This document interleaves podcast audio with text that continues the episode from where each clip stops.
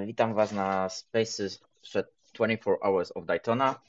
E, na Spaces, na którym sobie omówimy tak naprawdę to, co się działo przed samym wyścigiem, czyli Raw, Before That Rolex 24, czyli treningi i kwalifikacje, troszkę o stawce, o wyścigu e, i tak naprawdę o tym, co przed nami czeka, czyli o tym, co nas czeka, czyli wyścig. Chciałbym bardzo przywitać moich gości i podziękować im za przybycie dzisiaj. Michał Luboń z podcastu 24 and More. Dzień dobry, Michale. Cześć, cześć, witam. Nie wiem, czy było mnie słychać wcześniej. E, mam nadzieję, że teraz jest ok. Tak, teraz tak, 24 and More, 24 and More dzisiaj w składzie 1 trzecia, bo jak wiadomo, to 24 and More to też Andrzej i Piotr. Niestety obowiązki ich zatrzymały. Może innym razem się uda nas skompletować. I od razu się usprawiedliwię słabą formą głosową, bo walczę z przeziębieniem od kilku dni. Dokładnie. Także prawdopodobnie nie będę się wyjątkowo rozgadywał, ale e, robim co możemy, jak to mówią. Dzięki za zaproszenie i e, no, zobaczymy, co to będzie dzisiaj. To ja dziękuję bardzo za przybycie dzisiaj, mimo tych problemów ze zdrowiem lekkich i że jesteś dzisiaj tutaj z nami, Michale. Witam też Grzegorza Piotrowicza z motohigh.pl, z którym już byłem, rozmawialiśmy na jednym Spaces przy okazji y, ogłoszenia listy startowej World Endurance Championship na ten sezon. Witaj Grzegorzu. Halo, halo? Sekundka, a teraz się tak, słyszymy? teraz się słyszymy. O, super. Witam e, Piotrze, witam Michale, dziękuję za zaproszenie. To ja dziękuję za przybycie. No to co, zaczniemy zaczynamy od takiego, mam tutaj napisane jeszcze, no opis wyścigu, no to jak wiadomo, jeden z czterech wielkich klasyków, 24-godzinnych obok Le Mans, Nürburgring i Spa. 61. edycja w tym roku już będziemy, będzie wyścigu Daytona 24-godzinnego. Tor znany, 12 zakrętów, 3,5 e, mili, taki tak zwany roval, czyli połączenie toru owalnego z torem drogowym. Nie wiem, czy tu coś można jeszcze dodać na temat tego, bo to jest takie, no oczywiście część e, IMSA Weather Sports Car Championship e, i rozgrywanego raz z nim podpucharu Michelin Endurance Cup, w którym uczestniczy więcej aut niż w zwykłym sezonie IMSA. Też mamy pojedyncze zgłoszenia na samą Daytona i chyba możemy już przejść do omówienia takiego krótkiego stawki, która nas czeka w tym roku. Chyba, że ktoś ma jeszcze. No ja może tylko dodał, że e, mimo, że sama część owalowa jest e, bardzo dobra pod kątem nawierzchni, no bo hej, no bo tu muszą samochody NASCAR też próć swoje 320 na godzinę na każdym kółku, to jednak e, mamy troszkę zróżnicowania pod kątem właśnie nawierzchni. Może to nie jest zebring, daleko do zebring, no ale chociażby takie właśnie wypłaszczenie, jakie mamy w jedynce, czy nierówności, jakie są w obydwu tak zwanych podkowach, czyli zakręty chyba 4 oraz 7, y, jeśli się nie mylę, e, no to są mega nierówne miejsca. No i finałowa, właściwie wisienka na torcie, y, szykany bus stop, czyli obecnie szykany Lemon, które notorycznie nawet były problemem, y, jeśli chodzi o track limits, o o piachach tam y, nanoszono z tego storu przez cięcie zakrętów. Od, od zeszłego roku, a właściwie już od roku 2021 e, mamy pełnoprawne krawężniki, więc problemu z limitami nie będzie, ale tak czy inaczej to miejsce jest warte obserwacji. E, kto widział kwalifikację, ten wie, kto widział zeszłoroczny finish, ten też wie. Tak, no w tym roku kwalifikacja Bastop złapał Nika Tendiego i Josha Farano. W zeszłym roku pamiętamy tą walkę Pfafa i KCMG, czy z, kierow... z Lawrence'em Vantorem i Matieżem Minetem za kierownicą. Jeszcze poprawię cię, Grzegorz, że te podkowy to trójka i piątka, tam są te horse Okej, okay, okej, okay, dzięki. Akurat mam przed sobą mapkę toru, więc mogę to powiedzieć. To myślę, że już jak tutaj odbędniliśmy taki punkt wejściowy, to przejdziemy do omówienia stawki. Ja mam tutaj w planach, y, od, od, od końca zaczniemy, czyli od klasy GTD. E, no i pierwszym takim zgłoszeniem wartym, mm, wartym omówienia jest ten Turner Motorsports, czyli mistrz Sprint Cupu z zeszłego roku w składzie Brian Sellers, Madison Snow, Corey Lewis i wielki powrót do BMW Maxima Martena. Y, może to nie pierwszy wyścig Martyna w BMW, gdyż jechał w 24 Hours of Dubai w tym roku na początku stycznia, ale to jest ten, ta załoga, na którą trzeba patrzeć i jeżeli BMW troszkę dociągnie podczas samego wyścigu jeszcze przez te treningi, to myślę, że to będzie taka załoga do top 10 GTD. Mają panowie jakiś komentarz do tego, czy Um, powiem tak, że tak, chyba że BOP powie co innego, a BOP powiedziało niewiele względem, tak. względem kwalifikacji. No powiedziało nie więc, wiele i to będziemy jeszcze mówić. Więc właśnie jeśli chodzi o, za, o samą załogę, to ona jest, no, to jest mocna. Zespół też jest, ma świetne przygotowanie, tylko BOP wskazuje, że BMW nie będzie w lepszej sytuacji niż rok temu. Jedyne co się zmieniło to to, że dla im powiększono bak paliwa o 2 litry, a to jest, to jest właściwie wszystko, więc y, samym tempem BMW nic niestety chyba nie ugra, jeśli, jeśli się tylko oprzemy o kwalifikacje. Jeśli chodzi o dłuższy dystans, w sensie długość stintu, to może te dodatkowe okrążenie, dwa okrążenia więcej na tym, y, na stincie, może im coś tam dodadzą, ale no trzeba być, y, nie można być optymistą w tym momencie. Dokładnie, gdyż to tak naprawdę była jedyna zmiana w BOP, tak na, i, i ku mojemu wielkiemu zdziwieniu tak naprawdę, że to jest jedyna zmiana w BOP, gdyż no, te nowe GT trójki mierzyły się z dość dużymi problemami, o czym jeszcze później sobie powiemy. E, kolejna załoga to jest, myślę, taka warta naprawdę wspomnienia, to jest też dwunastka od Wasser Sullivana, która jest też mocna i ma papiery na, myślę, że top 10 to na pewno, jak nie top 5, gdyż Lexus jednak odnalazł się w tych warunkach Daytonowych. Załoga Dalitz, e, Monte Calvo, Kirkwood i Thompson. Kyle Kirkwood, jak wiemy, kierowca IndyCar, bardzo utalentowany od tego sezonu kierowca Andrettiego i tak naprawdę też, który jeździł w zeszłym sezonie już dla Wasser Sullivana i pokazywał się z niesamowitej strony. To on z nimi wygrał GTD Pro Petit Le Mans, to ten ostatni wyścig, więc myślę, że naprawdę Lexus tym zwykłym GTD, jak i GTD Pro, do czego później przejdziemy, może pogrozić i ma na to papiery. E, I tu znów moje ale, niezawodność Lexusa. Może pamiętasz zeszły rok, ale niezawodnościowo Lexus potrafi się zepsuć 15 minut od startu. O, to też prawda, chociaż to Petit Le Mans wyglądało już naprawdę dla Lexusa fajnie i mam nadzieję, że to, to, to ten ostatni wyścig będzie takim dobrym prognostykiem, ale... Petit tak, ale e, no mieliśmy chociażby zeszłoroczną Daytonę, która tak. wiesz, Albo inaczej, powiem, powiem tak, powiem by było śmieszniej, powiem troszkę, powiem troszkę śmieszniej. Delta Wing też błyszczał co roku w Petit Le Mans, a potem Daj to co roku było co innego, ale o tym też się dowiecie mniej więcej wiosną, gdy, gdy, gdy coś o tym wypuszczę. Delta Wing, piękny pojazd, tak na marginesie dodam, coś niesamowitego. Chciałbym widzieć powrót tego w, w konfiguracji LMH bądź LMDH, żeby Nissan wrócił, ale tutaj też. chyba jednak prędzej wybiorą drogę przebrandowania Alpin jeżeli by już miało do czegokolwiek tak. dojść tutaj. E, tak się zastanawiam, czy wspominam szesnastkę Ride Motorsports, bo sama załoga jest naprawdę dobra, bo to jest załoga Ryan Hardwick, czyli zwycięzca nagrody Boba Ekina za rok zeszły, przez co będzie mógł wystartować w tegorocznym Le Mans i już podjął decyzję, że zrobi to z Proton Competition. Jan Halen, Zachary Robin, Robicon, czyli mistrz klasy GTD z 2021 roku z Pfaffem, gdy ten jeszcze jeździł w zwykłym GTD i Denis Olsen, czyli też kierowca blisko związany z Porsche. Załoga sama w sobie bardzo dobra, ale problemy Porsche z samym autem. E, no tutaj powiem tak, że tylko, że jedyne co ich trzyma to właśnie poziom przygotowania. Mówimy o rajcie, tak? tak? 16 no to poziom tego poziom przygotowania Wrighta, który jest y, no, prawie porównywalny z Fafem, nie? No to jest, y, to jest porównywalny poziom przygotowania, to jest jedyne, co właściwie ratuje tą załogę. No Porsche jest, y, no Porsche jest po prostu w, cienki, w cienkim tym, no po prostu ma dramat, jeśli chodzi o ten, o Daytona i to będzie po prostu katastrofa.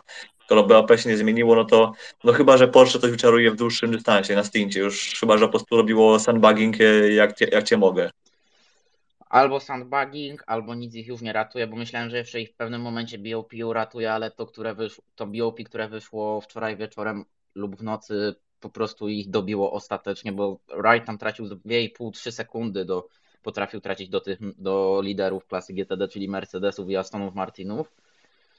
I naprawdę dla Porsche to się nie, nie rysuje różowo, chyba że to naprawdę był tak, taki sandbagging yy, i żeby zatrzymać to BOP, które mają, bo wiedzą na co stać ich auto, ale to jest taka już troszkę teoria spiskowa i nie chcę w to iść.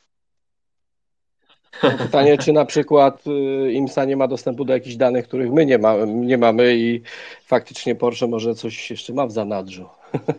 IMSA na pewno ma jakiś dostęp do danych, gdyż pamię to pamiętamy, że były te testy, które się odbyły w grudniu na Daytona International Speedway. Te testy homologacyjne nowych LMDH, gdzie tam zaproszono też auta LMP2 i właśnie trzy nowe auta GT3, czyli właśnie generacji 992 nowej 911, nowego, nowego Huracana GT3 Evo2 i Ferrari 296 GT3 i te testy właśnie były z powodu były zaproszone te auta po to, żeby zdobyć dane do BOP, ale ile też tych danych zdobyto i czy to tak naprawdę było, teraz ma odniesienie do tego, co widzimy, to nie wiadomo, może jednak są to worki, Porsche się, Porsche musi kryć to, co ma. Um, tu tylko można do ten na precyzji troszkę dodam, że ten test jest co roku organizowany, jakby ktoś może nie wiedział, e, że nie ma czy jest nowe auto, czy stare auto, zawsze się zaprasza do GT3, bo właśnie też ten test na Dayton jest po to, by też e, łatwiej było wyznaczyć BOP na sam tor właśnie, że BOP jak jest inne rundy, znacznie się nieraz różni względem tego, co właśnie jest na Daytonie i po to ten test e, grudniowy, żeby właśnie było łatwiej wyznaczyć BOP, żeby było właśnie więcej danych, żeby nie opierać się na, na samym roże czy coś w tym stylu.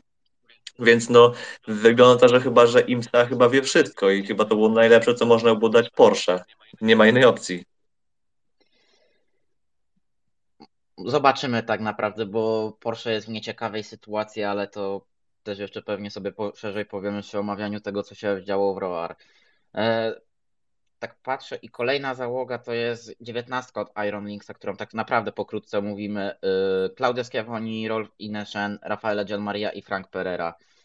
Iron Links wystawia załogę tutaj w klasie GTD taką, żeby o, poje, żeby zobaczyć. Mi się wydaje to, że troszkę dla zebrania doświadczenia takiego pracy z, sam, z samymi kierowcami i jakby mi się wydaje, żeby z samymi, samym też Lamborghini troszkę taka załoga, bo Chyba, że też Schiavoni tak. tutaj. Um, Natomiast... Schiavoni jest Schiavoni. Na pewno zgodzę się z Twoim właśnie założeniem, że pewnie e, Iron Links chce się poduczyć pod kątem e, GTW CH Europe e, tegorocznego. I mi się wydaje, że z samymi ludźmi tam ze Squadra Corse, bo chyba ten program jest realizowany, jak się nie mylę. Tutaj Daytona, na Dayton, podczas Daytony jest to wsparcie Squadra Corse. E, przechodząc do kolejnej załogi, 21 od AF Corse, e, Simon Mann, Luis Perez, Luis Compon, e, Miguel Molina, Francesco Castellacci. Załoga w połowie podobna do tego, co mamy w WEC, gdyż Mann Compon też stworzą załogę numer 21 w GTA M w WEC-u. Do nich dołącza kierowca z Hypercar, czyli Miguel Molina i Francesco Castellacci załoga taka bardzo typowa jak na AF Corse, tak, tak, podobna do tego, co mieliśmy w zeszłym roku też w 21, gdzie oni tam się otarli o zwycięstwo i tak naprawdę tam błąd Nilsena bodaj, że tam było drive-thru i, i spadli na czwarte miejsce z prowadzenia. Gdyby... Tak, y, mogę to potwierdzić. Odnośnie samego składu, to powiem, że Perez Kompang właśnie jak na brąza, całkiem solidnie. Nie, może nie jest poziom Kittinga, ale myślę, że mając, mając takiego właśnie brąza w załodze, to są w całkiem fajnej sytuacji. Mimo, że Ferrari też nie jest najlepiej sytuowane pod kątem BOP. Tak. No gdybyśmy, gdyby Ferrari bardziej się pokazało w BOP, to AF Corse 21 na pewno bym stawiał w gronie tych faworytów, a tak to to mm, powalczą, bo na pewno powalczą, ale raczej tutaj widzę innych aktorów głównych tego spektaklu. Kolejną załogą, która jest taka naprawdę do omówienia, którą trzeba omówić, to jest 27 Heart of Racing Team i Roman De Angelis, Marco Sorensen i Jan James, Darren Turner.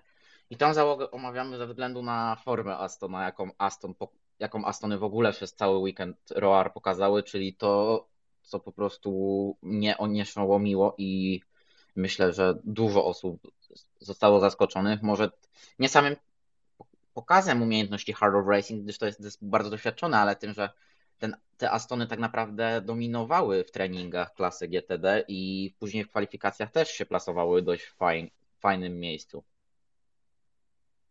Um, tak, na pewno trzeba ich pochwalić za dotychczas, dotychczasową postawę.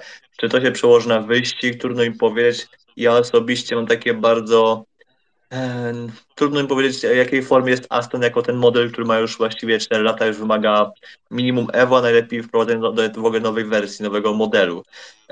Wygląda na to, że chyba pod kątem BOP naprawdę dostali sporego breaka. Nie patrzę teraz, nie mam teraz przed sobą tabeli, ale chyba masowo tam są dobrze sytuowani pod kątem masy, jeśli się nie mylę, więc tu mogło pomóc BOP. Um, ale operacyjnie też są bardzo fajni. Naprawdę, to jest, jest sporo, jest bardzo mało takich ekip, które nie mają dobrej operacji. Prawie każda ekipa jest dobra, jeśli do tego mamy Sorensena czy Turnera. Turner chyba też jeszcze jest y, kierowcą fabrycznym, nie? Obok y, Sorensena. E, chyba tak, ale nie, nie jestem ci w stanie potwierdzić. A co, no to... a co do wagi, to masz rację, bo to jest naj, praktycznie naj, najlżejsza GT3, gdyż ona waży tylko 1290 kg, gdzie dla porównania na przykład Corvette waży 1370, chociaż to jest Fabian GT, GTE tak naprawdę. GTE. Więc tak biorąc to kolejne jest Ferrari 1365 kg i Lexus 1360, a jest jeszcze cięższy Mercedes 1375. No, no to, ale Mercedes to będzie inna, inna opowieść. Tak. Ale no w każdym razie Hardcore Facing jest w fajnym miejscu. Jeszcze Silver w postaci De Angelisa też są w bardzo fajnej sytuacji. Tak, są w fajnej sytuacji. I przechodzimy do kolejnego Astona, 44 Magnus Racing, który w ten weekend, przed e, weekendem w Roar naprawdę pokazywał się z genialnej strony. Tam jest skład John Potter, Andy Lally, Spencer Pampoli i Nicky Team. Nicky Team tutaj jako ten kierowca fabryczny.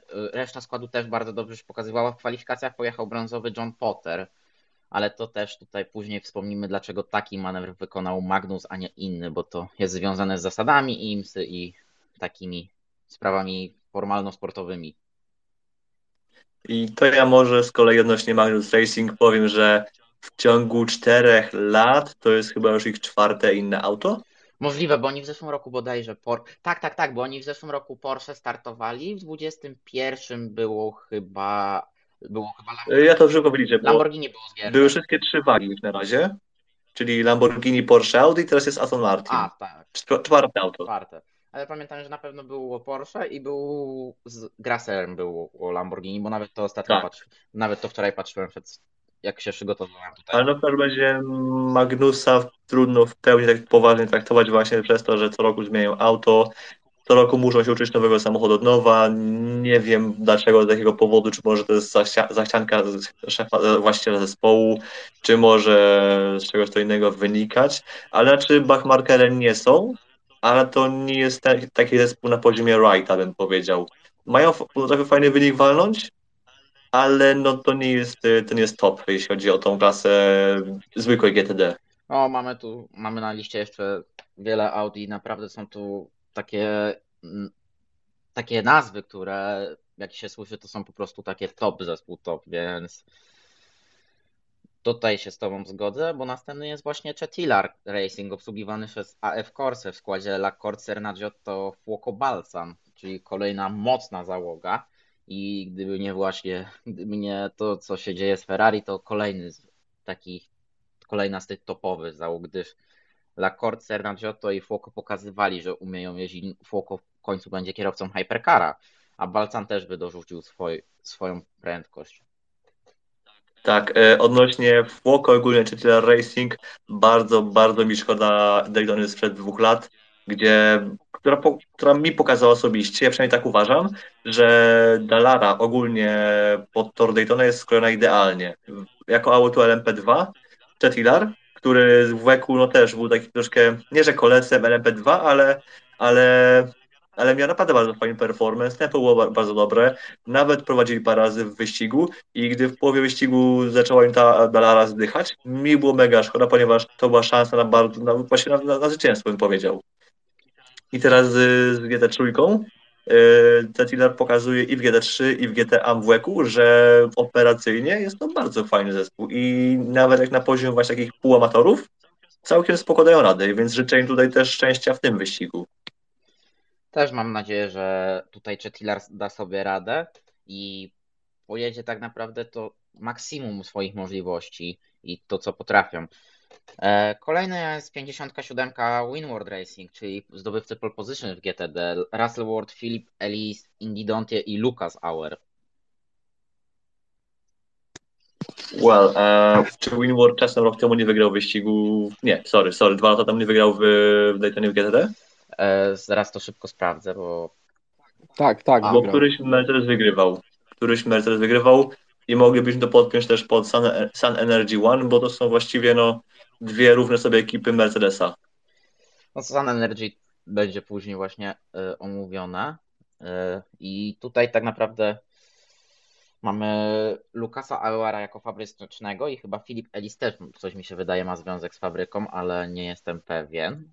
Więc... Tak, a na pewno, na, nawet jeśli nie to jest bardzo blisko afiliowany, Tak. jeśli chodzi o Mercedesa, to są na pewno dwaj kierowcy, którzy znają to auto na wylot. Zresztą Mercedes, jak mówiłeś wcześniej, też y, waży sporo, ale to pokazuje, znaczy ten kwartet na, na polach startowych do ten, do Daytony, spośród, spośród trzech aut GTD oraz jednego auta GTD Pro, pokazuje, że Mercedes jest świetną konstrukcją, no i też zeszłoroczne GT World Challenge też pokazało, że też to jest auto, z którym trzeba się liczyć. Dokładnie, wygrane, wygrane Bathurst, wygrane Spa, wygrany Endurance Cup, więc tak naprawdę wzięli, pełn, wzięli pełną ręką to, co mogli zdobyć. Jeszcze IGTC, naprawdę dużo w zeszłym roku w GT3 Mercedes odniósł sukcesów i tutaj upatruję faworytów do top, top 10 w GTD, takiego pewnego i top 5, bo to jednak jest kwartet, na który trzeba liczyć, który, którym trzeba się liczyć. Tak, ale chyba możemy iść dalej. Chyba co? Inception Racing czy od razu Sun Energy One? Eee, Inception jeszcze, bo pokazywali się dość fajnie w treningach, a to też jest jedyny McLaren w stawce y, w tym roku. W Właśnie, to, to chciałem zaznaczyć. W GT Daytona jedyny. Ale- No właśnie, i McLaren, jak to McLaren, y, zwykle jest to takie auto takie mm, szybkie, ale tylko wtedy, kiedy jest y, Sprawne. stabilne. Jeżeli, jeżeli coś jest nie tak z warunkami, albo się zmienia wiatr, albo cokolwiek, to to auto potrafi stać się bardzo nieprzewidywalne, więc mam nadzieję, że Brendan Irbe nie namiesza to za bardzo, a on no niestety potrafi. E, No i cóż, y, Marvin Kierhofer, no Jezu, pamiętam tego gościa jeszcze, z GP3, nie? Tak staro się czuję teraz. A, tak naprawdę wielu kierowców tutaj, których mamy na liście się jeszcze z GP2 przewijało GP3, takie serie. Jeszcze jest na przykład właśnie Marco Sorensen wcześniej wspomniany, który jeździł jeszcze, z 7-8 lat temu w GP2. A wcześniej jeszcze World Series Bayern, no ale dokładnie tak jak mówisz, McLaren często jest niestabilny. Pamię jak pamiętasz zeszłoroczną Daytonę i oni tam chyba co 2-3 godziny hamulce wymieniali w tym Inception. Tam już to było w niedzielę. O Jezu, tak, to było mega komiczne. To była bardzo mega komiczna sytuacja, ale też, y, żeby było śmieszniej, to ta niestabilność samochodu jeszcze się ciągnie na poprzedni model, nie? Ale to już jest na inną opowieść. Oni naprawdę mieli w zeszłym roku bardzo fajne tempo, no tylko jak trzeba co 2-3 godziny hamulce wymienić, to automatycznie ten wynik leci, leci, leci w dół. Mimo nawet problemów rywali, a tam GTD, GTD Pro było w zeszłym roku obfite w takie jakieś lekkie, nawet nie lekkie, tylko bardziej poważne usterki techniczne. No tak, ale możemy chyba iść do ten, do Sun Energy Tak. One teraz. Sun Energy One e, w składzie Lukasz Stolz w zastępstwie za, za Willa Powera, który niestety nie mógł wystąpić, nie mógł zadebiutować w Daytonie z powodów rodzinnych. Kenny Abel, e, Fabian Schiller i Axel Jefferies. Jefferies rozważany był w tym roku nawet do Corvette, bo Corvette z nim testowało po zakończeniu sezonu WEC w Bahrajnie. Lukasz Stolz, kierowca fabryczny Mercedesa, Schiller Gold i brązowy Ab- Abul, bo musi być ten brąz jednak w tym roku. A nie, nie, znaczy nie musi, ale jest ten brąz. No cóż, no ale no, ja myślę, że skład całkiem jest solidny, tylko no czy, czy Winwardowi dorówna, no tu bym nie powiedział. Też mam szczerze wątpliwości, czy Winwardowi dorównają, patrząc na to, że Winward nie ma brąza, tylko ma z dwóch silverów w zastępstwie za brąza i to może tutaj być tym kluczowym. Chociaż to też czasami często, No, często równie jest tym brąz, silver, jak to wiemy na przykład z łeka, że często niektórzy brą- brązi są w tempie silverów. e, prawda, ale są, a są też silverzy w tempie brązów, nawet e, są tacy w LMP2 byli w zeszłym roku. Ale to już, to już jest, to już e, zostawmy ten temat. E, Ja myślę, że chyba na koniec klasy GT- GTD możemy słówkę o zawodze Iron Dame. Dokładnie. Iron Dames 83, y, Ra- Rachel Frey, Sarah Bowie, Michel Gatling i Dorian Pen. Panie kontynuują swój y, tour po, tour po wyścigowym świecie. Tym razem zawitały po raz pierwszy do IMSY, po raz pierwszy na Daytona. I tak naprawdę też, jak się nie mylę, Michelin Endurance Cup ma być tutaj program zrealizowany z Lamborghini. i E. Teraz na szybkości nie powiem, ale jakby się udało nawet właśnie e, Meg zrobić, no to byłoby świetnie, ale nawet sama Daytona jest już super. Chociaż weźmy pod uwagę to, że panie czeka jeszcze ten, jeszcze je czeka cały sezon w GT World Challenge, Dokładnie. Który jest priorytetem. Dokładnie jest GT World Challenge, jest WEG jeszcze współpracy Ion Links, Proton, więc tak naprawdę będzie bardzo intensywny program wyścigowy. No sama Dorian pełen LMP2 w premie. Więc naprawdę muszę przyznać, Ion Dames dzięki przesiadce zespołu matki na Lamborghini zyskało bardzo. A sam skład bardzo solidny jak zwykle. No tutaj co tu się roz, rozmawiać. Dorian Pę, bardzo szybka dziewczyna, pokazała to podczas, podczas ostatniego wyścigu Elms na Portimao w zeszłym sezonie. Rachel Frey, Sarah Bowie, Michelle Gatting, doświadczony skład, bardzo pewny i gdyby też nie taka przeciętna postawa Lamborghini, to mo- mogli, moglibyśmy tutaj upatrywać czarnego konia. Myślę. Tak. em, jestem ciekaw, czy Pę zdoła dojść do hypercarów za rok. To, to będzie fajny challenge. Czy, to się, czy to się uda? Mm, powiem Ci szczerze, że myślę, że nie. Jeszcze to mi się wydaje, że Lamborghini jeszcze w przyszłym roku postawi na swoich, ale od 2025 roku czemu nie? Jeżeli będzie. No, chociaż może, znaczy możliwe, że byłaby opcja pod tytułem e, trzecia zawodniczka w, na MEG właśnie w IMSie za rok. Jeśli już, ale tak to właśnie 2025 pewnie jest bardziej sensowny. O, tylko tak naprawdę patrząc na to, że Lamborghini powiedziało, że oni będą robić w przyszłym roku sam MEG w IMSie, to myślę, że wiesz, będzie sześciu kierowców, którzy będą jeździć e, WEC i IMSę jednocześnie. Nawet ten Super No w sumie bo wielu robi to podwójnie. też ma sens. Wielu kierowców, Też, też to w sumie ma sens. wielu kierowców robi podwójnie Em. ten Super Sebring, więc tu nie będzie problemu. I chyba na koniec GTD może u Was słówkiem wspomnieć o Akurze, bo jeśli się dobrze, jeśli mam dobrze wyniki z kwalifikacji, to Akury się bardzo fajnie zaprezentowały. Dokładnie, Akury się bardzo fajnie zaprezentowały. Czwarte miejsce w GTD Races Edge Motorsport with Wayne Taylor Racing w składzie Ashton Harrison, y, Danny Formal, Kyle Marcelli i Ryan Briscoe.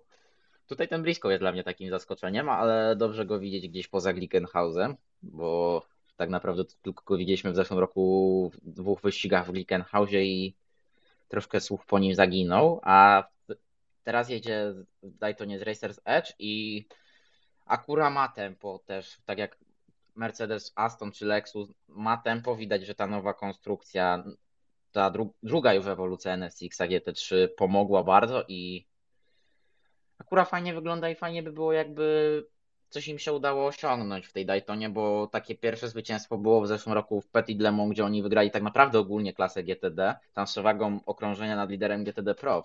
Tam był skład Simpson, Farm Basier, jak się nie mylę, i jeszcze trzeci kierowca, ale zapomniałem już teraz. Ale naprawdę akurat fajnie wygląda i to może też być taki czarny koń. Nie wiem, jak ty Grzegorzu sądzisz o Akurze tutaj. Tyle, żeby też po drodze nic się nie, nie wpadło, bo też no akurą, akury też mają, miewają swoje przygody czasem, ale no chociażby jak pokazuje historia MSR-u na przykład właśnie jeszcze z z czasów GTD, no to dobrze zarządzana akura w sensie pod kątem operacyjnym, no i jest w stanie coś tam, jakieś wyniki przynieść, a dodajmy jeszcze, że w tym roku debiutuje jej e, ewolucja tego modelu. W zeszłym zadebiutowała, już była Evo 2. Zeszłym, o sorki, sorki, faktycznie, zeszłym, faktycznie. zeszłym już, bo to akurat pamiętam jak ona debiutowała, bo ona się nie pojawiła, tam pamiętam, ona chyba się nie pojawiła na Daytonie, albo się pojawiła tylko w GTD i później w GTD Pro na Sebringu mieliśmy właśnie Racer Edge'a. Okej, ale i chyba myślę, że temat e, Tak. GTD jest zamknięty, chyba możemy pro Tak. Omówić szybko. Pro. Trójka Corvette Racing, Antonio Garcia, Jordan Taylor i przeniesiony z y, Łeka Tommy Milner. Mnie tylko dziwi to, że Jordan Taylor jeszcze siedzi w GTD, bo myślałem, że jak, e, że jak się pojawi Cadillac, to, to nam Taylor wróci ten do prototypów, a tutaj cały kolejny rok ten. Więc y, może to jest taki jeszcze rok przystanku, a za rok będzie już y, Cadillac. Fajnie, bo jakby właśnie nam do GT, GTP właśnie wskoczył. Niemniej, no to jednak y, świetny skład, no to topowy, topowy i mm, trudno powiedzieć coś złego. Kwestia tego, czy Corvette podoła, w sensie ta znerfiona, spowolniona dowiezie. Tak, no to jest jednak, pamiętajmy, że to jest dalej auto GTE, które jest tak naprawdę przerobione na, bardzo na szybko na auto takie przypominające GT3. Corvette GT3 zadebiutuje dopiero w przyszłym roku, prezentacja ma się odbyć już bodajże w piątek albo w sobotę nawet już na, podczas Daytony, bo Mustang GT3 będzie na... W piątek. A, w piątek. Mustang GT3 będzie na Sebringu zaprezentowany, to Corvette się odgryzła i zaprezentuje Z06 GT3R już już w styczniu na Daytonie. Bardzo dobry skład i teraz mogę, myślę, że możemy już przejść do dziewiątki i Pfafa w składzie Klaus Buckler, Patrick Pie i, Lo, i, Lo, i Lorenz Vantor. Zaskoczył mnie tutaj Patrick Pie, który wrócił do Porsche jednak po, tych, po tej przerwie dwuletniej i, trosz, i jeździe takiej w LMP2 wideku, tutaj to, a jednak widzę, że Pie wraca i nie wiem, czy to nie jest takie przygotowanie ewentualne pod GTP Pfafa. Jeżeli by miało Tak, być. tylko proszę nie, py tylko proszę nie pytajcie nas o to, czy on jest, y, czy Pile jest dalej kierowcą fabrycznym Porsche, bo nikt nie jest w stanie tego potwierdzić. No serio, Pile już chyba odchodził, wracał, odchodził, wracał. To jest tak jak z Romanem Dima sytuacja wygląda. W ogóle Porsche ma bardzo zamieszaną stawkę fabryczną. Dima teoretycznie nadal jest kierowcą fabrycznym Porsche, ale on tak naprawdę, mi się wydaje, w Porsche jest tylko dlatego, że tam on jeździ tą 911 terenową. I to jest w ogóle... Znaczy, no, no terenowa 911 to jest ten, to jeszcze jest e, historia, to są jeszcze czasy WRC sprzed 2017 roku, czyli jeszcze tej, tej jeszcze wcześniejszej ery samochodów WRC z czasów, z czasów Volkswagena, więc e, to już jest ale... mega stary program.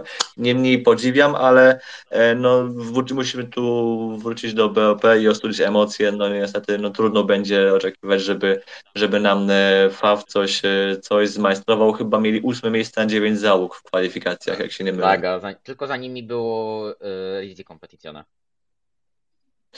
No, więc cóż, no. E, plus jest taki, że Daytona jest długa, plus e, po każdej neutralizacji e, GTD Pro są przed GTD, więc łatwiej będzie się bić z czołówką, no i skład też ma doświadczenie, więc no czego, czego jeszcze więcej. Tylko właśnie kwestia tego, żeby, żeby nie było problemów ani oraz żeby ten, żeby BOP nie przeszkadzało za bardzo. Dokładnie. Jeszcze tutaj coś Michał chciał dodać, jak mówiliśmy o PIE i tej terenowej 911. Tak, tak, tak. Odnośnie jeszcze Romana Dima, żeby bardziej zamieszać jego zaangażowanie w Porsche, no to teraz jak był Dakar, to jechał e, Toyotą. Pracowano jako Rebellion.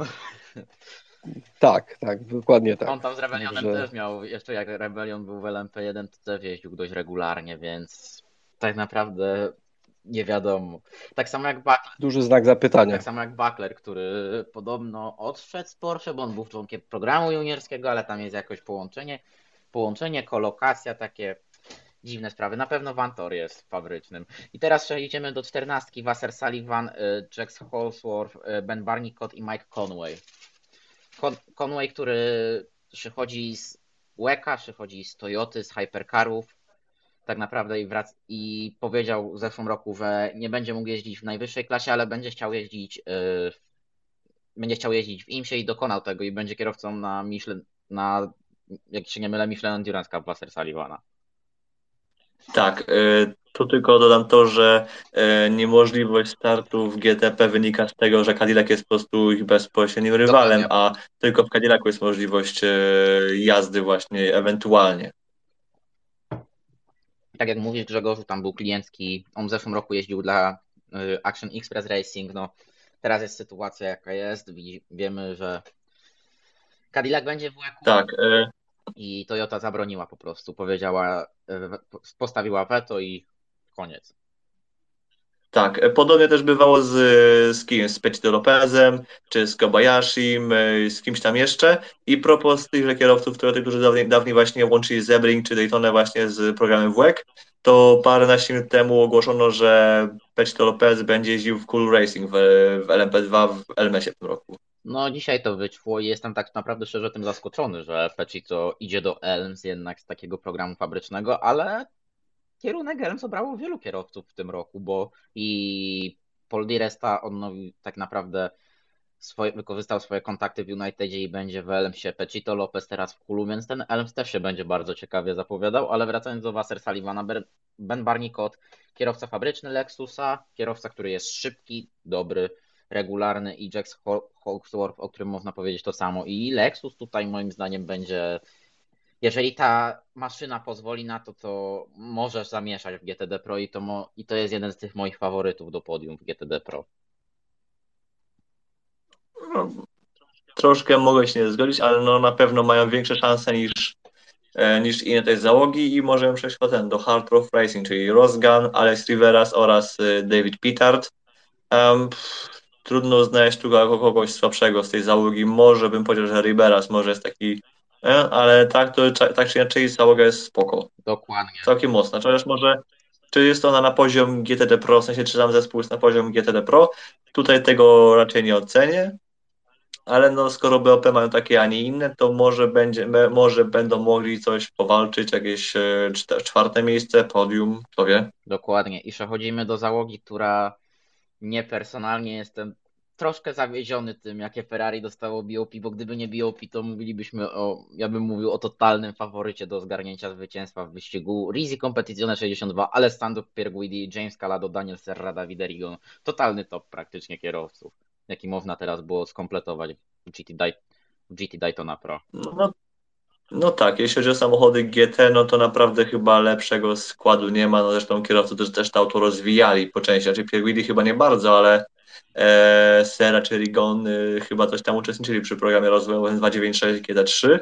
E, czy Risi w tym roku wreszcie ma program na pełny rok, czy znów tego jest start i potem e, słuch po nie zaginie? E, jest Michelin Endurance Cup, tak jak było w zeszłym roku. Okej, okay, no to zawsze cokolwiek. Zawsze cokolwiek, bo w przeszłości bywało z tym kiepsko. E, w 2021 roku było takie, takie sytuacje, że w ogóle nie było żadnego Ferrari na gryzie. To jest, to jest ciekawa rzecz, że Ferrari przez tam wiele lat, odkąd, odkąd yy, wznowiono IMSę, w sensie odkąd, od, odkąd się skończył Split, czyli Grand Am oraz Alms w USA, to zawsze było jakieś Ferrari na gridzie. W 2021 roku yy, po raz pierwszy po Zebring chyba zabrakło Ferrari. No i fajnie, że będzie chociaż tyle ten, to takie pół Rizzi powiedzmy. Ale to jest y, przeszłość, teraz Iron Links, Caldarelli, Bortolotti, Pepper, Grosjean, nie? To, jest, to będzie właśnie, to jest to nazwisko, które chyba też yy, przyciągnie pewnie parę oczu też spoza, spoza tego sportu. Dokładnie, no Roman Grosjean tutaj debiutuje razem z Lamborghini, debiutuje jako kierowca fabryczny tej ekipy, dołącza do Calda Andrzej Caldarelliego i Mirko Bortolottiego, czyli starych wyjadaczy Lamborghini, no takiego też topu, a do nich dołącza nowy kierowca fabryczny Lamborghini, czyli Jordan Pepper, który jeździł y, razem z nie, z Mapellim jeździł razem z Mapellim, GT World Challenge America w K-Paxie i tam też odnosi do, dość dobre sukcesy i razem właśnie Mapelli, Caldarelli, Pepper to są zdobywcy pole position do zeszłorocznego SPA, więc Pepper też ma potencjał i gdyby Hurakan troszkę lepiej się pokazywał, to też byśmy mogli mówić o takim o, o załodze, która by się koło podium na pewno zakręciła. Tak, e, tutaj też na pewno no, będzie, będzie się sporo osób patrzyło na Grożana. E, ja jestem ciekaw na przykład, e, jak on się, nau- jak on się będzie uczył właśnie względem Caldarelliego czy Bortolottiego, którzy są no, po prostu totalnym topem. By the way, miałem przy okazji właśnie miałem, miałem przyjemność właśnie gadać z, z Bortolottim przed Lemą właśnie w ramach jednego wywiadu. Naprawdę świetny gość, świetna osobowość. Jeżeli ten, jeżeli jest tak szybki, jak, jak się z nim fajnie gada, no to uff, no naprawdę Bortolti może zrobić robotę i zresztą też z Caldarellim, jeszcze z Mapellim. E, to jest taki po prostu święty tercet właśnie z, z Europy. E, no a teraz w połączeniu z Pepperem się może zdziałać. Szkoda właśnie, że też Lambo za bardzo ma, ma taki troszkę po to BOP, ale no ten duet właśnie Bortolti z Caldarellim już nieraz pokazywali to równość, nie? To równo tempo, a równym tempem się właśnie takie wyścigi wygrywa. Dokładnie, a nie jednym okrążeniem. Kolejna załoga to jest załoga, która ja pamiętam jak ogłoszono, że w ogóle 64, czyli TGM obsługiwane przez TF Sport się pojawi w GTD Pro. Ja pamiętam, że to było mówione, że to jest błąd. Nie, oni tam nie mogą być, bo mówimy o załodze, która ma dwóch brązów i dwóch silverów. Gdyby ich wrzucić do GTD, to też byśmy mówili o jednej z gorszych załóg pod kątem tego, jak są licencje, ale BOP które dano Astonowi i to, że to jest zespół obsługiwany jednak przez zespół Toma Ferriera, czyli TF Sport, dało to, że oni tam w treningach jeździli niesamowicie i oni byli w czołówkach treningów, a w kwalifikacjach zajęli piąte miejsce, czyli byli w połowie stawki, co dla nich jest moim zdaniem niesamowitym sukcesem. Skład Giovanni, e, bracia Tak. Plump i Trinkler. Tak, ale no właśnie nie wiem, co nie, co nie tak naprawdę myśleć. No właśnie jednak okej, kwale kwalami, ale w wyścigu no brązy, silvery będą paliły no sporo czasu. No nie wiem, ile byśmy musieli Coopera McNeila trzymać w aucie w 79, żeby ten, żeby, żeby mogli z nim walczyć. O właśnie, przechodząc do WeatherTecha, ostatni wyścig Coopera Magnila i się śmieję, że bo WeatherTech w tym roku, w tym roku będzie pełen sezon, więc się, jak pamiętam jak ogłosił to Cooper McNeil, to się zaśmiałem, że McNeil z, wo- McNeil z wozu WeatherTechowi lżej, bo tak naprawdę teraz WeatherTech będzie mógł walczyć w tym GTD Pro, a ma naprawdę skład niesamowity, bo do Coopera McNeila w jego ostatniej drodze wyścigowej, tak to nazwijmy, dołączą Da- Dani Hunka, Daja Żilginą i Maro Engel. Więc taka naprawdę też topka w Mercedesie. No właściwie fabryczny skład Mercedesa. Tak, Więc cóż tu więcej mówić, no i też y, Mercedes y, na pole position w GTD Pro, ale co ciekawe, nie na pole position ogólnie pośród aut GT3, ponieważ y, pole position miały trzy inne Mercedesy, ale z normalnego GTD, tego nie Pro, to jest, to jest też najśmieszniejsze, gdzie no też na w kwalifikacjach jechał, jechał chyba Engel, jeśli się Tak, nie tak, mylę, tak, albo tak, a przecież pokonało go chyba dwóch, jeden, albo, dwóch silverów go pokonało, jeśli dobrze pamiętam. e, To jest Ellis, czyli Gold, na, czyli nie Silver, e, w dwójce Schiller też Gold, a w trójce Grenier, czyli Okej. Grenier jest na pewno Silverem, o ile się nic nie zmieniło, bo pamiętam, że zeszłym był. No dobra, no to w każdym razie, no okej. Teoretycznie Nie, te auta. nie, Po, Grenier też już jest Goldem. o, no dobra, to się pomyliłem znowu, ale okej, ale no w teorii y, to są te same auta, ta sama specyfikacja, to samo BOP i tak dalej, Y, na ale na pierwszym stincie się może właśnie okazać, że właśnie te załogi GT Pro, GTD Pro oraz normalnego GTD mogą faktycznie ze sobą walczyć. Y, Problem będzie taki właśnie, że przy neutralizacjach, jak jest podział klas przy restarcie, to GTD Pro są zawsze z przodu, a GTD są zawsze z tyłu względem siebie, więc y, no cóż, walka może być tam podczas, podczas dłuższej, jakiejś, jakiejś y, dłuższej zielonej flagi, ale jak będzie żółta flaga, jak będzie safety car pace car, no to może się troszkę im sytuacja skomplikować, ale tak czy inaczej warto właśnie patrzeć na te właśnie dwie klasy jako jedną klasę, Tak. bo może być właśnie tak, że się te klasy wymieszają. Dokładnie. I przechodzimy teraz do klasy, która jest taka troszkę na doczepkę, troszkę taka, która, że taki mus konieczny, czyli LMP3, które jest do IMS, teoretycznie jest do końca tego roku w IMSie, czy będzie przedłużona jakby klasa, nie wiem, mam nadzieję, że szczerze nie, patrząc na to, że wolałbym widzieć Też. Nowe GTP, nowe e, GTD, GTP, GTD Pro, LMP2, bo na przykład jak widziałem, że Akura, Akura KCMG do GTD Pro została odrzucona i musiała zostać na liście rezerwowej, czy to mnie troszkę serduszko zabolało jako fana Akury, takiego małego fana Akury w GT3 i też fana KCMG, bo ten projekt fajnie wygląda. Tak, no ja pamiętam przecież jeszcze czasy, gdy startowali regularnie w WEC-u. Chyba mi się udało mistrzostwo w LMP2 z Oregon 05 machnąć mniej więcej w 2015 roku, to już są, to już w są 2000 stare W czasy. 2015 roku mm, G-Drive zrobił mistrzostwo, bo Zillian kanal je zrobił, a będziemy jeszcze o kanalu dzisiaj mówić. Okej. Ale no to był w każdym razie bardzo mocny pro- program, któremu chyba w pewnym momencie zabrakło kasy, troszkę się potem cofnęli, teraz znów coś tam działają. Anyway, no LMP3 są mega na doczepkę i e, dodam tylko jeszcze takie, taką rzecz, że to, to jest e, pół stawki, to są liżiery, pięć liżierów, cztery dikiny, dikiny em, i na razie wygląda tak, że będą po prostu jechały liżiery w swojej lidze, w swojej dikiny w swojej lidze. Dokładnie. Tak? Tak, tak, tak, dokładnie. No patrząc na to, że jeszcze I- mamy jedno LMP3 pomostowe, bo JDC Miller, który będzie miał Porsche 963 jeszcze w tym roku. No, takie na poratowanie, bo to jest właśnie, będą mieli właśnie Porsche, jak tu powiedziałeś, ale są, ale są w stawce, nie- niemniej jednak. E, Jeśli chodzi o rywalizację w klasie LMP3, by już, kończy, by już wreszcie tę klasę wyrzucić z głowy z tego podcastu, e, no to spodziewajmy się po prostu, że ta klasa po prostu rozjedzie. Takie, takie już po prostu, no takie są fakty, sorry bardzo. Mieliśmy zeszłoroczną Daytonę oraz cały sezon w IMSie i tak samo było w roku 2021. LMP3 się za każdym razem po prostu rozjeżdżały, tam były yy, dystanse liczone w okrążeniach między, między załogami i no sorry, ale po prostu to, te auta mogą troszkę, mogą narzekać w sprintach, w rundach sprinterskich, ale w dłuższym dystansie to w ogóle nie ma sensu, bo no, nawet z, z niczym ze sobą nie walczą, nie? Propos walki, to jeszcze, skoro już wchodzimy do klasy LMP2 za chwilkę, yy, jako, że teraz zmieniono troszkę specyfikację aut LMP2, w sensie no, wbito tak zwaną specyfikację, lekko jest spowolnione właśnie. E, są głosy od kierowców e, tu w oparciu o Sportscar 365.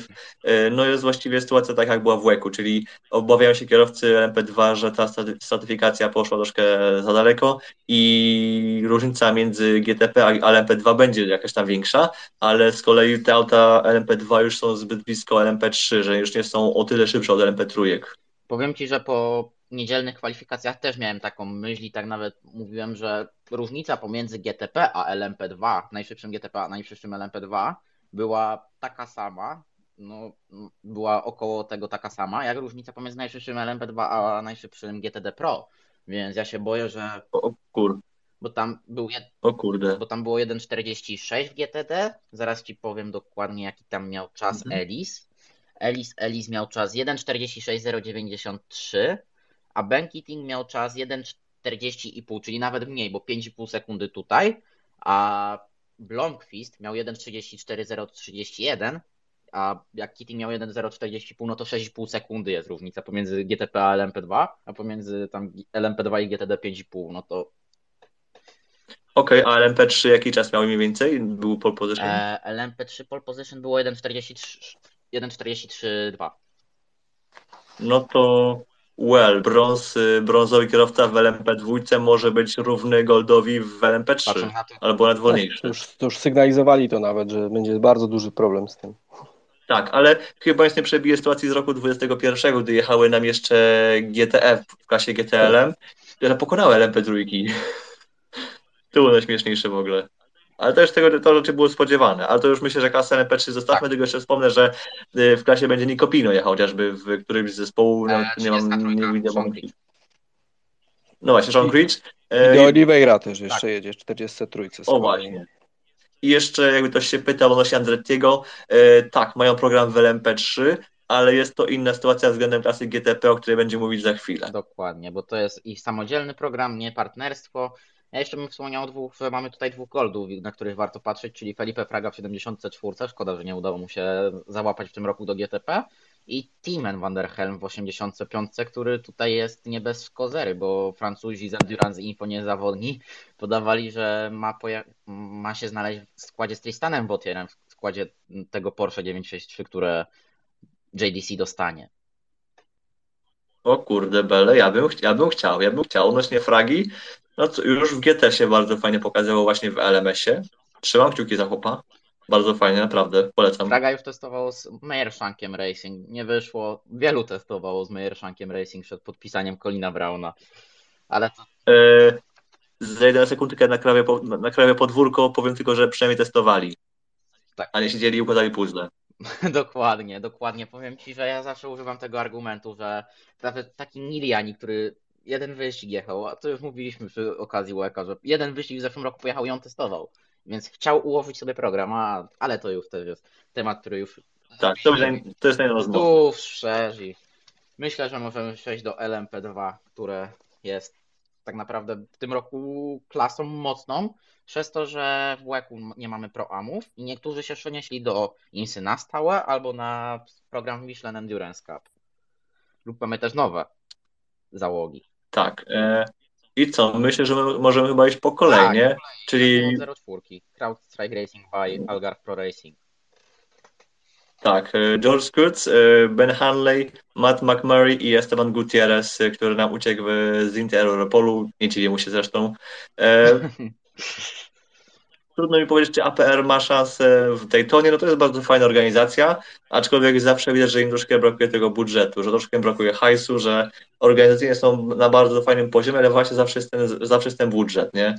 I well, no jeśli się fajnie poskładają, to czemu nie? Czemu, czemu by nie mieli zawalczyć o coś? Piąte miejsce w kwalifikacjach, więc środek stawki, więc myślę, że jeżeli tutaj yy, właśnie tak jak mówisz, poskładają te puzzle słynne i ułożą sobie ten wyścig, to będzie naprawdę spoko.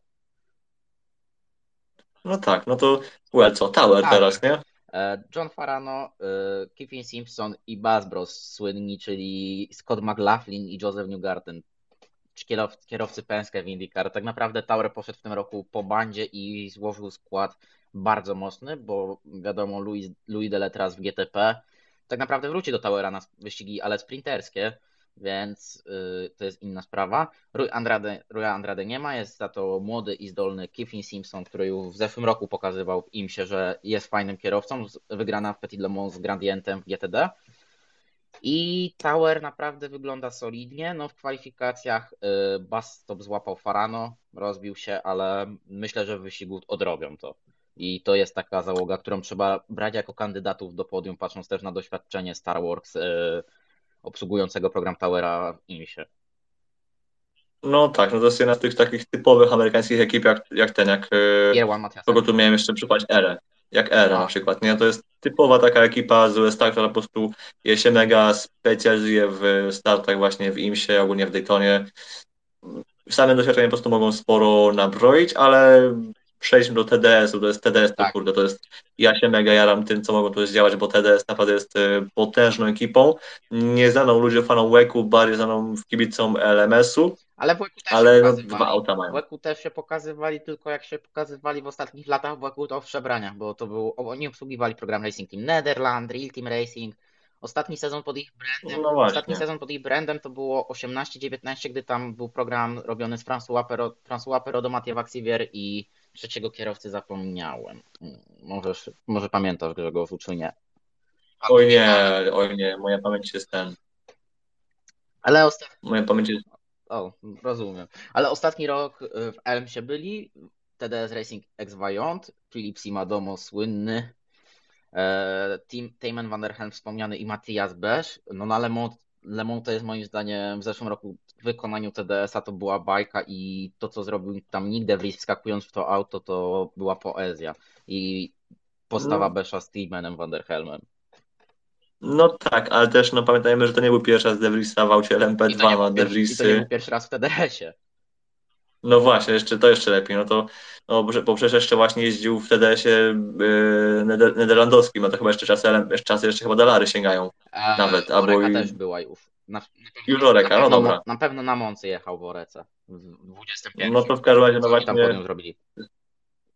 No to, no to tym bardziej, to ten zespół się dobrze się zna z tym, z, znaczy De się dobrze zna z tym zespołem i z tym autem, więc no okej, okay, jasne, kwestia, kwestia bardziej wjeżdżenia, ale no jego performance mnie nie zdziwił.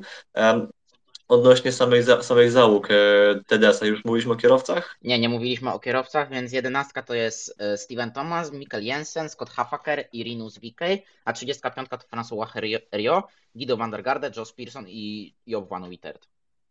Składy bardzo I jakbyś, jakbyś e, rajtował Pearsona względem Witterta? E, Pearsona względem Witterta. Mm. No. Powiem ci, że Jak? Wittert e, więcej doświadczenia, ale Pearson pokazał w Unitedzie, że umie jeździć w zeszłym roku i naprawdę tutaj TDS będzie miał bardzo fajny skład. I tutaj hmm, wiadomo, Wittert większe doświadczenie, jednak też nawet w samej Orelce i to jest też gold, ale myślę, że Pearson może pokazać. No, Pearson już serio. Ten pierwszy rok no, nie był jakiś hyper piękny i tak dalej, ale no, znaczy, bo to był pierwszy rok w ogóle w tego typu aucie, no to też e, Debiut, czego my oczekujemy. No. no. 17 e, lat w tym roku kończy. Rocznik 2006. No, to... To jest, mi to rozwala głowę, jak jest... słyszę takie roczniki. Że jeżdżą. A co ja mam powiedzieć? Nie no, ale wiesz. Ale no w każdym razie no, TDS ma bardzo tak. mocny skład. E, jakie jest ich i doświadczenie z Daytoną, bo chyba wcześniej chyba jakiś, nie, bo przecież było właśnie z, z Nederlandem, tak, przecież jechali rok temu prawie cały sezon. Nederlandem cały sezon, tam, tam były, nie, tam był tylko Michelin Endurance Cup i to jeszcze bez Petit, Petit Le Mans, bo pamiętam y, zamieszania Van Erda no tak. podatkowe. Areszt, aresztowanie. Tak, i niestety się nie pojawili, ale tak jak mam mówić, no to Steven Thomas to jest ten jeden z tych brązów, który uznajemy za taką topkę to jest ten brąz, którego postawiam, stawiam obok Kittinga, obok Perodo i, i obok takich właśnie nazwisk. Tak, mogę tutaj się, mogę się zgodzić. Chyba rok temu e, w Proamie w Le Mans byli na podium. Wygrali, wygrali. Wygrali. Okej, wygrali. to funny story, bo ja już będąc, w, będąc właśnie w Le Mans po wyścigu, e, jako że Le Mans jest jedną, jedną rundą łeku, w której masz, mamy zagrodę dla kierowców, taką prawie jak z Helen testą, że, to, że, że to nie jest e, w miejscu za garażami, tylko na schodach e, za trybuną w Le Mans, taka zagroda dosłownie, e, to zadawałem pytania kierowcy, które, któremu nawet nie wiedziałem, czy, czy wygrał Le Mans, czy podium, czy coś, bo by, byłem już tak zniszczony, że nie poznawałem kierowcy. I właśnie tym kierowcą był właśnie Steven Thomas O proszę. z Nielsenem wówczas. Nie, to, Ale dobra, to jest, y, to jest ciekawostka na razie, no to jest co? High Class Racing, czyli zespół, który troszkę Tak. znamy. High Class Racing, pamiętamy. Kto tam jechał w 21 roku, znaczy miał jechać. A, to takie było. Przemilczmy to. To było Ale, dobrego złe początku. no, no właśnie. Em, ale dobra, e, Dennis Andersen, Ed Jones, e, Andres Fjordbach oraz Raffaele Marcello. No po Fjordbachu czy Andersenie, no nawet jak na ich e, status licencji, no nie ma się czego spodziewać. No tyle, że po prostu, żeby jechali swoje i żeby się nie rozbijali. Raczej się nie rozbiją, bo to raczej nie są tego typu kierowcy. To tam y, w zeszłym Ale- w High Classie to pewien Szwajcar miał do tego ciągoty, którego bardzo dobrze znamy. No, nie tylko w high classie, nie tylko w high No, classie. ale w High Classie, jest- jakoś tak pamiętam jego te rozbi rozbijki najlepiej. Znaczy, no taką jedną rozbikę, że zrobił, że z Oreki 07 zrobił Peugeota 9X8 O, ja, mm, w pierwszym ja zakręcie. tam pamiętam jeszcze tą śmieszną sytuację z od Atlanta, gdzie on tam wjechał prawie do pit lane przez przypadek, albo jeszcze, O, tak. albo jeszcze jak skasował, jak skasował Lamborghini 39 y, przez takie przepychanki z Racing Team Netherlands na y, Oj tak, ale przyznacie, że przypadkowy wjazd do pitlane na Road Atlanta to jest już wyzwanie jednak, gdzie masz pitlane po wewnętrznej. To jest, już, to jest już wyzwanie. Jest wyzwanie jednak, bo tam to tam trzeba Ale anyway, e, kończąc temat High Class Racing, no naprawdę e, to jak się Rafael Marcielu spisze, który nie jeździł chyba wcześniej nigdy w prototypach, nie jeździł Tak, nie jeździł. wiedzy. I tak naprawdę mi się wydaje, że to Według to przetarcie przed Lamborghini w 24, takim, które gdzieś tam jest, takie plotki latają, ale ile w tym prawdy nie wiadomo, tak Marcielo z tym No. troszkę kręcił, że tak nie wie jeszcze i to jest takie, No ale no słuchaj, no to jest naprawdę topowy kierowca, który jeszcze jest w takim wieku, że jeszcze może do hypercarów się wbić i no ja mu się nie dziwię, bo będąc w Mercedesie e, jesteś skazany najwyżej na SPA 24, na Nürburgring, które są fajnymi wyścigami, ale no nie dadzą ci takich chwał, nie dadzą ci takich e, osiągnięć, nie dadzą ci takiego, takiego zarobku dokładnie. finansowego, jak starty w hypercarach, nie? I no gdybym był Marcello, no nogami, rękami bym się pchał do Lamborghini, po prostu byłbym drzwiami, oknami, kominem i jeszcze kratką studzienki bym bił, żeby, żeby tam się dostać, no więc y, to jest, to jest zrozumiałe. Dokładnie, no on sam też nie może za dużo powiedzieć, bo jeszcze go ten kontrakt z Mercedesem obowiązuje, więc tak naprawdę od dopiero od końca sezonu będziemy mogli coś mówić więcej na temat jego przyszłości tak oficjalnie. Tak, ale tak możemy mówić na, jego, na temat jego przyszłości więcej niż w temacie innych kierowców. Dokładnie, niż w temacie pewnego Polaka z Krakowa. Dokładnie. TDS już drugi za nami. e, Rickware Racing. e, Ja jak słyszę brand Rickware Racing, to, to mnie wzdryga, bo nie wiem co o tym myślę, ale z drugiej strony mają Erika Luxa, a więc gość, który miał bliskie spotkanie trzeciego stopnia z Adrianem Zotirem pewnego razu w pubie, e, Devin De Francesco, Austin Cindric, który wie jak się po tym torze jeździ, ale bez zakrętów w lewo, w prawo. I Pietro Fittipaldi, kolejny deserter z, nie, w sumie de- nie deserter, obecny jeszcze kierowca Inter Europolu, Deserter więc już, ej, deserter. fajny skład. Deserter już, Jota 28. A dobra, sorry, tak, bo będzie w Jocie, tak, czy w Jocie, zapomniałem o tym. Jo- Powiem Ci, Dobra, że ale- patrząc na ten skład, ja mam naprawdę, że to jest bardzo fajny skład. Eric Lu- Lux, Devlin Di Francesco w zeszłym roku wygrana w Daytonie w LMP2 z Dragon Speedem. Pietro Fittipaldi, szybki, bardzo dobry kierowca, co pokazał w zeszłym roku w Inter Europolu. I Austin Cindric, który, Cindric, który no, umie jeździć, bo NASCAR Daytona 500 wygrana, też takie nazwisko bardziej amerykańskie, takie bardziej, jak to można tak określić, catchy. I, Tak, i e, Oreka w końcu dla gdzie też no, gdzie też e, Cindric ma też już doświadczenie właśnie z Daytoną, ponieważ jechał chociażby w Lexusie chyba dwa, trzy lata temu. W każdym razie to, już nie jest, to nie jest jego pierwszy W zeszłym roku na pewno jechał w 15 w Protonie, który tam był brand... To było tak naprawdę oficjalnie Proton USA, ale on był brandowany WeatherTechem. No, no to no w każdym razie no ma experience, jeśli chodzi o ten tor, więc to nie jest jakiś, to nie jest on świeżak w tym temacie.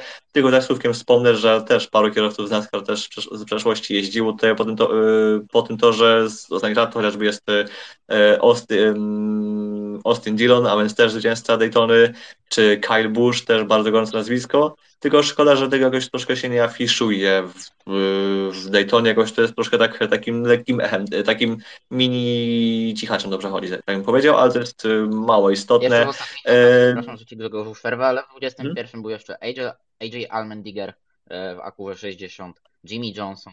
Ale ale akurat y, Almendinger jest gościem Mr. Everything, bo on, jest, on jeździ wszystkim w USA. On jeździ w, i w WeatherTechu, on jeździ w NASCAR part-time, w tym roku będzie full-time i jeździ w IndyCarach. On dosłownie w Stanach jeździł, nawet chyba jeździł jeszcze e, w świętej pamięci Global Rallycrossie.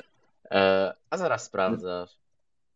Tak, ale to jest znaczy, no, akurat e, Relikos nie, nie, nie potwierdzę teraz tak e, on the go, ale no, w każdym razie on jeździ wszystkich, więc e, ja bym go nie przepisywał tego do NASCAR, ale no, fakt, że NASCAR ma w CV. Ale to jest, to jest, to jest ciekawostka. Natomiast PR1, PR1 Matiasen Motorsports myślę, że murowany kandydat do zwycięstwa. O ile nie będzie problemów jakichś, bo oni zawsze co roku jest pole position, co roku jest pole position, a później coś wyścigów przychodzi, ale w tym roku Ben pokazał, co potrafi i dorzucił do pieca. No, ja jestem, z, tak. ja jestem zachwycony Benem. No cóż dużo mówić. Ja widzę Bena, gdzie tylko brąz rywalizują, to to Ben pokazuje, co potrafi i Ben odjeżdża rywalom, pokazując takie papa. Mm, tym bardziej mi szkoda, że to jest najprawdopodobniej jego ostatni sezon właśnie na tym poziomie rozgrywkowym, nie? Więc. Dokładnie. Szkoda. Szkoda, że Ben tak.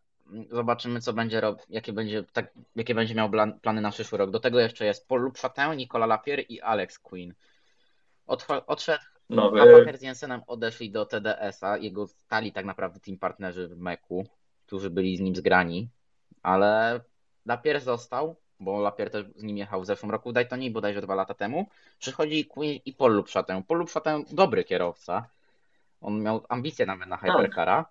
Pokazywał to też w Richard Mie czy Ideku, że on potrafi jeździć. I Alex Quinn to jest takie nazwisko troszkę, które anonimowe, bo on debiutuje tutaj w USTC, ale Pierwan Matiasen moim zdaniem przez też dość swoje doświadczenie to kandydat do zwycięstwa. Alex jest no, silverem? Tak. Alex Queen jest silverem? Tak, silver, tak, silver, silver. Okay.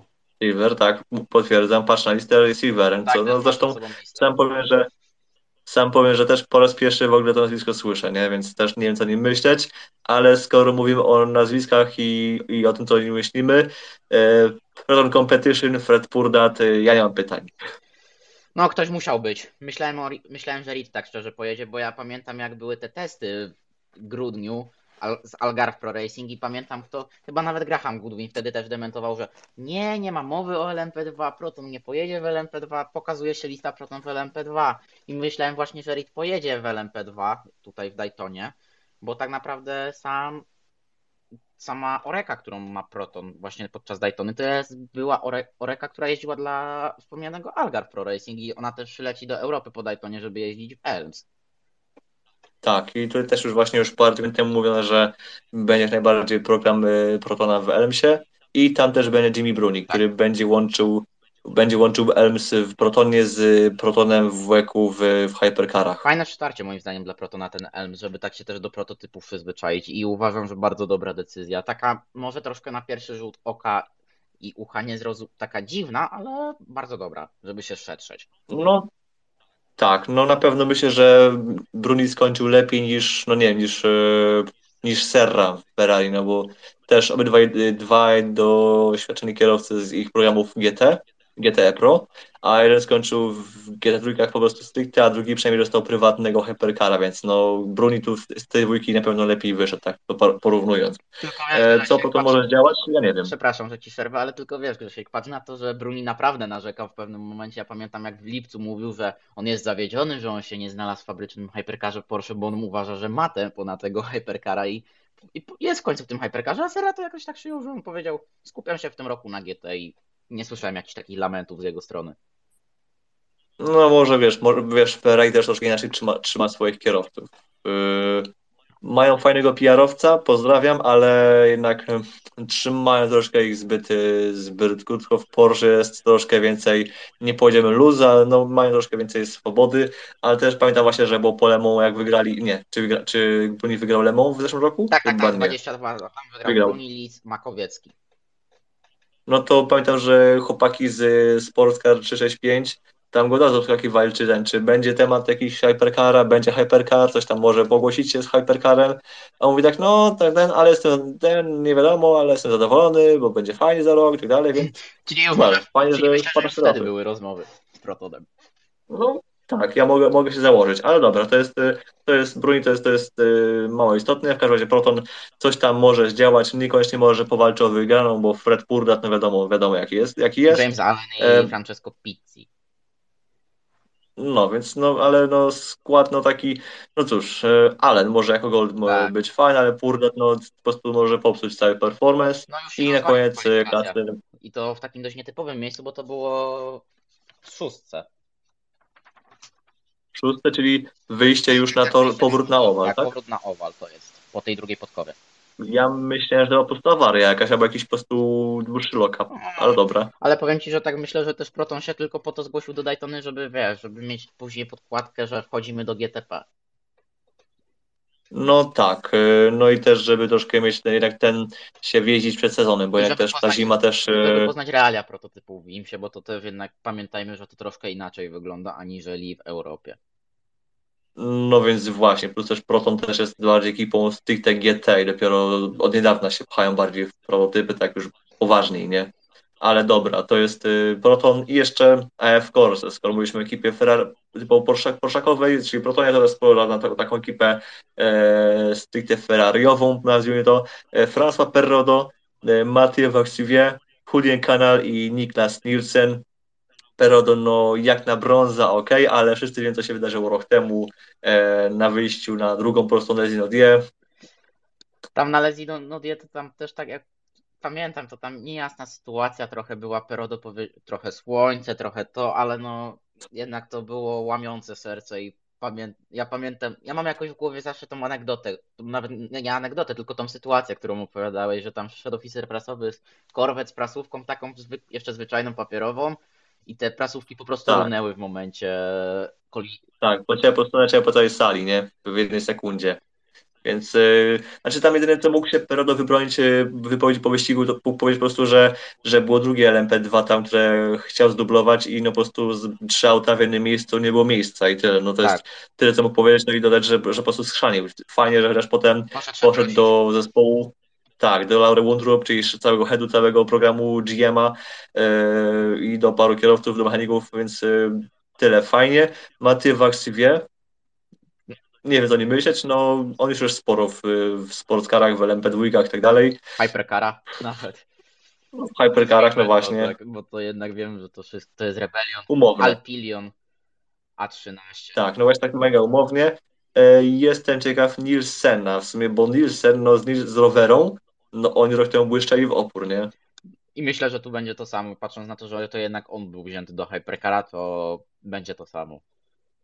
A, No i właśnie tu byś powiedział, że kanal, właśnie kanal, jaki jakbyś o tym kanala. kanal, w przeszłości kanal bardzo dobry kierowca, no trzy, trzy Le Mans wygrane z rzędu w latach 2010-2012, to jeszcze było GT, ale też mistrz łeka z LMP2 w latach pięt- 2015 i 2017 i to też był mocny element pani, to był mocny element pani racing przez ostatnie te lata. No właśnie, no.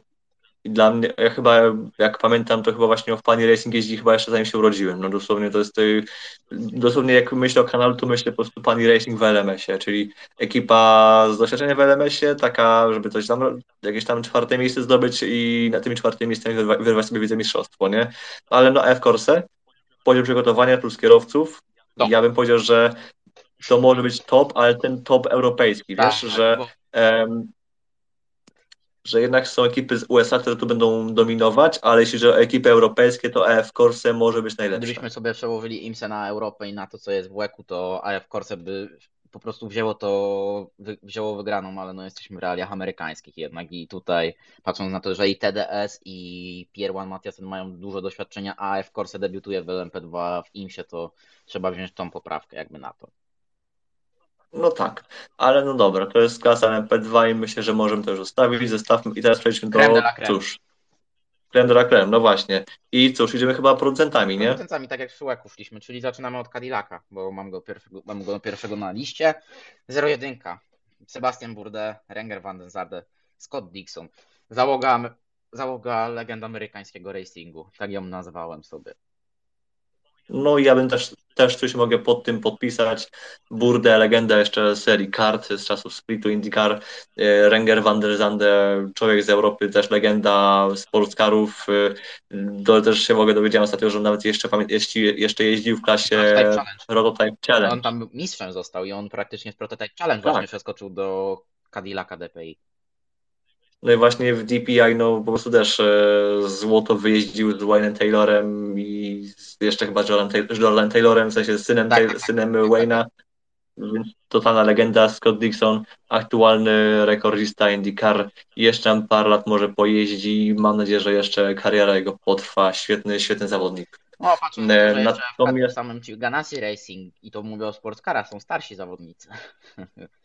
No tak, o, o ten, ale to już, to już jest inny temat. No i dobra, dwójka jeszcze. Air Bumble, Alex e, Lin Richard, Westbrook. Richard Westbrook, więc e, mieszanka względnej młodości, bo Bumber, Lin, no są znacznie młodsi, ale no nie są najmłodsi, bym powiedział. Ostatnio byłem jak sprawdzałem, że Bumber ma, Bumber jest jeszcze chyba nawet przed 30, albo tuż po 30. Ja byłem takie, wow, ja myślałem, że Bumber już wiesz, bliżej, bliżej 40, a Bumber jest, tak, Bumber 32 ma bodajże. Tak, 32. No to 32 to spodziewalnie, no bo ja myślałem, że szczerze bym powiedział, że ma 30, no bo jak pamiętam go jeszcze z 14 roku, jak wyrywał Giermaziakowi tytuł w Porszakach, potem rok później dzięki afiliacji z Porsche, ponieważ był juniorem z, z Antypodów, E, no to wskoczył do ten, do trzeciego Porszaka i wygrał potem już też historią, jeśli chodzi o Lemą. No i kolejny lata to też cały czas afiliacja z Porsche, teraz już e, afiliacja, praca dla Cadillaca. Świetny zawodnik, chociaż e, łeb gorący miewa. Miewa, ale pamiętamy Petit Le Mans to ostatnie, gdzie tam... No właśnie, o, o tym właśnie, do tego właśnie piję pum, było. Do tego właśnie piję. I co też tu możemy jeszcze powiedzieć odnośnie samego Cadillaca, bo mam tutaj parę takich komentarzy od siebie. E, no dwójka jest testowo tak naprawdę. W, w, Daytonie to powiedział bodajże ostatnio Alex Lin, że oni tak naprawdę jadą tylko, żeby sobie, żeby to przejechać przed y, łekiem. Przed łekiem. A, jeszcze w Cadillacu odnośnie mam jeszcze trzecie tak. auto, czy trzecie, ale w pewnym rozrachunku to jest drugie auto na, na pełny sezon, mianowicie Wheel Engineering, ale zespołu Action Express, bo taka tak. jest oficjalna nazwa ekipy, ale no sponsorem jest y, Wheel Engineering i tam skład to jest Pipo Derani, Alex Sims, Jack Aitken. Aitken wreszcie ma szansę w hypercarach w GTP, no ja myślę, że on się nie doczeka. Kolejny, który umiał układać puzzle i ja jestem naprawdę w szoku, że Aitken jest w tym GTP, ale dobrze, że jest w tym GTP, Też. bo on pokazywał nasze z kosztą balbą e, w GT Masters bodajże. Ale on tam w Lambo z, GT, z kosztą balbą jeździł fajnie w Emil Freyu Racing i później też GT World Challenge i i w TF Sporcie jeździł rok temu i dwa lata temu w, tak, w LMS, tak, w sensie tak, w LMP2. Tak, tak, tak, dla Racing znaczy, pamiętam już. Tak. No właśnie, to jest y, brand, to jest brandowo było jako Team Turkey, ale no de facto jest to TF tak. Sport. Dwa lata męczenia się z brązami w tamtym zespole widać opłaciły się, ale odnośnie samego Cadillaca, to ja bym powiedział, że sama konstrukcja, jako sam samochód, nie, nie mówiąc nie mówię o konkretnej załodze, jest to kaner do zwycięstwa. Murowany. Mm, powiem Ci, że szczerze, u mnie bardziej Acura i Porsche wszedł. Acura nie ma 24-godzinnego testu, Porsche ma 36 i ja, ja szczerze mam postawioną, tak jak się bawiłem w takie fantazy Endurance, to postawiłem na siódemkę. Ale to też... Okej, okay, no właśnie tu załogi Okej, no właśnie ja tu załogi konkretnie bym nie postawił, ale jeśli chodzi o samochód, to Cadillac jest na pewno da radę. Spor ma wspólnego z, jeśli chodzi o konstrukcję z BMW i nie mówię to tylko o podwoziu Dalary, ponieważ tam sporo jeszcze, jeśli chodzi o chłodzenie, o samą aerodynamikę, też jest sporo elementów e, Dawaj. podobnych. No i silnik jest ten sam, to jest 5, dalej 5,5 litra naturalne V8. Nie, to, to jest nowy silnik podobno. Nowy, o. Nowy, to jest... Tak, tak, To, jest, to jest nowy motor, ale, ale generalnie Cadillac jest najprostszą konstrukcją ze wszystkich LMDH. Właśnie, więc... to miałem jeszcze dodać, że okej, okay, że Akura jest bardzo szybka, jest, jest najszybsza na, na jednym kółku i to pokazały kwalifikacje, też to pokazywały te, nie, te testy z grudnia, których czasów nie znamy, ale podobno były właśnie Akury były najszybsze na jednym kółku, ale właśnie dzięki temu, że Cadillac jest e, najprostszy konstrukcyjnie, szczególnie właśnie w obszarze tyłu, oznacza, że jakakolwiek awaria będzie powinna, będzie w miarę szybka, relatywnie szybka i łatwa do usunięcia. W Akurze e, czy BMW w szczególności, to już będzie wyglądało inaczej, bo tam podobno jest już, e, tam już idą grube rozwiązania, które są e, ryzykiem, ale o BMW to ja się przejadę, przejadę troszkę później. Okej. Okay. Tak jeszcze właśnie tak tylko krótko do Akury, bo Akura będziemy jeszcze tutaj omawiać, ale jeszcze tak krótko do Akury, że tam to 2.4 V6 mi się wydaje też już było przetestowane i w jedną i w drugą stronę, bo to miał być silnik do IndyCar tak naprawdę i tam działał w HPD, to jest nie na rękę, że IndyCar zostaje przy obecnych zasadach silnikowych, bo to był właśnie ten motor 2.4 V6 Twin Turbo był projektowany z myślą i pod IMSA i pod IndyCar. Tak, ale tu odnośnie IndyCar to też się yy, nieskromnie przyznam, że też, to, też się po nich przyjadę tekstowo tuż przed sezonem, żeby nie było tak wesoło, bo tam jest sporo. IndyCar można bardzo, bardzo wiele zarzucić i ja już mam coś o to gotowe. E, dałem z siebie 30%, ale odnośnie, ale odnośnie samego samej Akury, odnośnie Akury, no to to jest, kurde, to jest, szczerze powiem, że to jest naprawdę zespół, znaczy dwa, dwie załogi, dwa zespoły, które pff, trudno mi ocenić. Mm, dziesiątka Taylor Albuquerque, Deletras Hartley, no top moim zdaniem, też taki składowo. I sześćdziesiątka Blomqvist, Brown, Castroneves, Parzeno no załogowo świetnie, tylko same, no okej, okay, wiemy wszyscy, że e, Wayne Taylor Racing jest pod kątem e, strategii jest mastermindem, nie? No po prostu nie ma, nie ma lepszego zespołu pod kątem e, strategicznym niż właśnie dziesiątka, no jest, jest po prostu topem, tylko właśnie czy oni z tą akurą na pewno ten, czy danie zawodność im dopisze, nie? Czy, czy czegoś nie popsują, coś tu się nie stanie. Dokładnie, albo czy 60 tempem po prostu, bo na przykład podczas Daytony Tom Blomqvist odpalił tryb turbo chyba i, i się nie zatrzymuje. No, ale odnośnie Akur, no to też, e, well, e, chociażby zeszłoroczny, zeszłoroczny Dana świetną historią. Przecież obydwa auta w pewnym momencie jeszcze tam przed szóstą godziną rywalizacji jechały z kapciami kółko za liderami. Pamiętam, bo akurat A proszę bardzo. zjinksowałem Castroneweszowi, bo wtedy Castronewesz miał taki magiczny stint, a okrążone nie później mu poszła opona.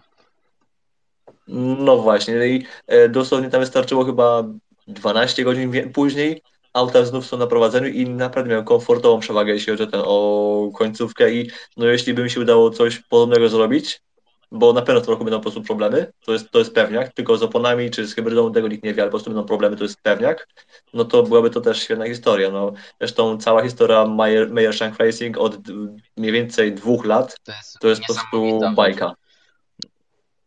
Właśnie. I, no i odnośnie Akury, no też tak mówiłem wcześniej, na jednym kółku, no to pokazują kwalifikacje są świetni, tylko właśnie ja się boję ten dłuższy dystans, nie? że no, to, to jest troszkę inna sytuacja niż, niż zeszłoroczna, niż, niż, niż auta DPI. To jest e, inna technologia, inny rodzaj pojazdu, chociaż akurat jak spojrzymy na Akury, to się to trudno te dwa auta rozróżnić, jeśli się nie ma takiego minimum e, doświadczenia z tymi, z tym, w śledzeniu, w śledzeniu sportscarów ale no well, no może być ciekawie z nimi. Dokładnie. Ja. No wiecie, z tą niezawodnością to jest takie wróżenie z fusów, bo e, no, no, każdego mo możemy sobie zakładać, że Cadillac jest najprostszy, to teoretycznie powinien być najmniej y, najbardziej niezawodny. Porsche zrobiło 36-godzinny test i generalnie wiemy, że ma najwięcej kilometrów testowych nabite, a tymczasem podczas tych y, testów, podczas ROR, y, nawet Porsche miało problem z zawieszeniem, co by się wydawało, że to takie powiedzmy błędy nowicjusza są, a jednak y, zdarzają się nawet takie rzeczy po, po wielogodzinnym testowaniu, więc to naprawdę jest, tak jak mówię, wróżenie z fusów.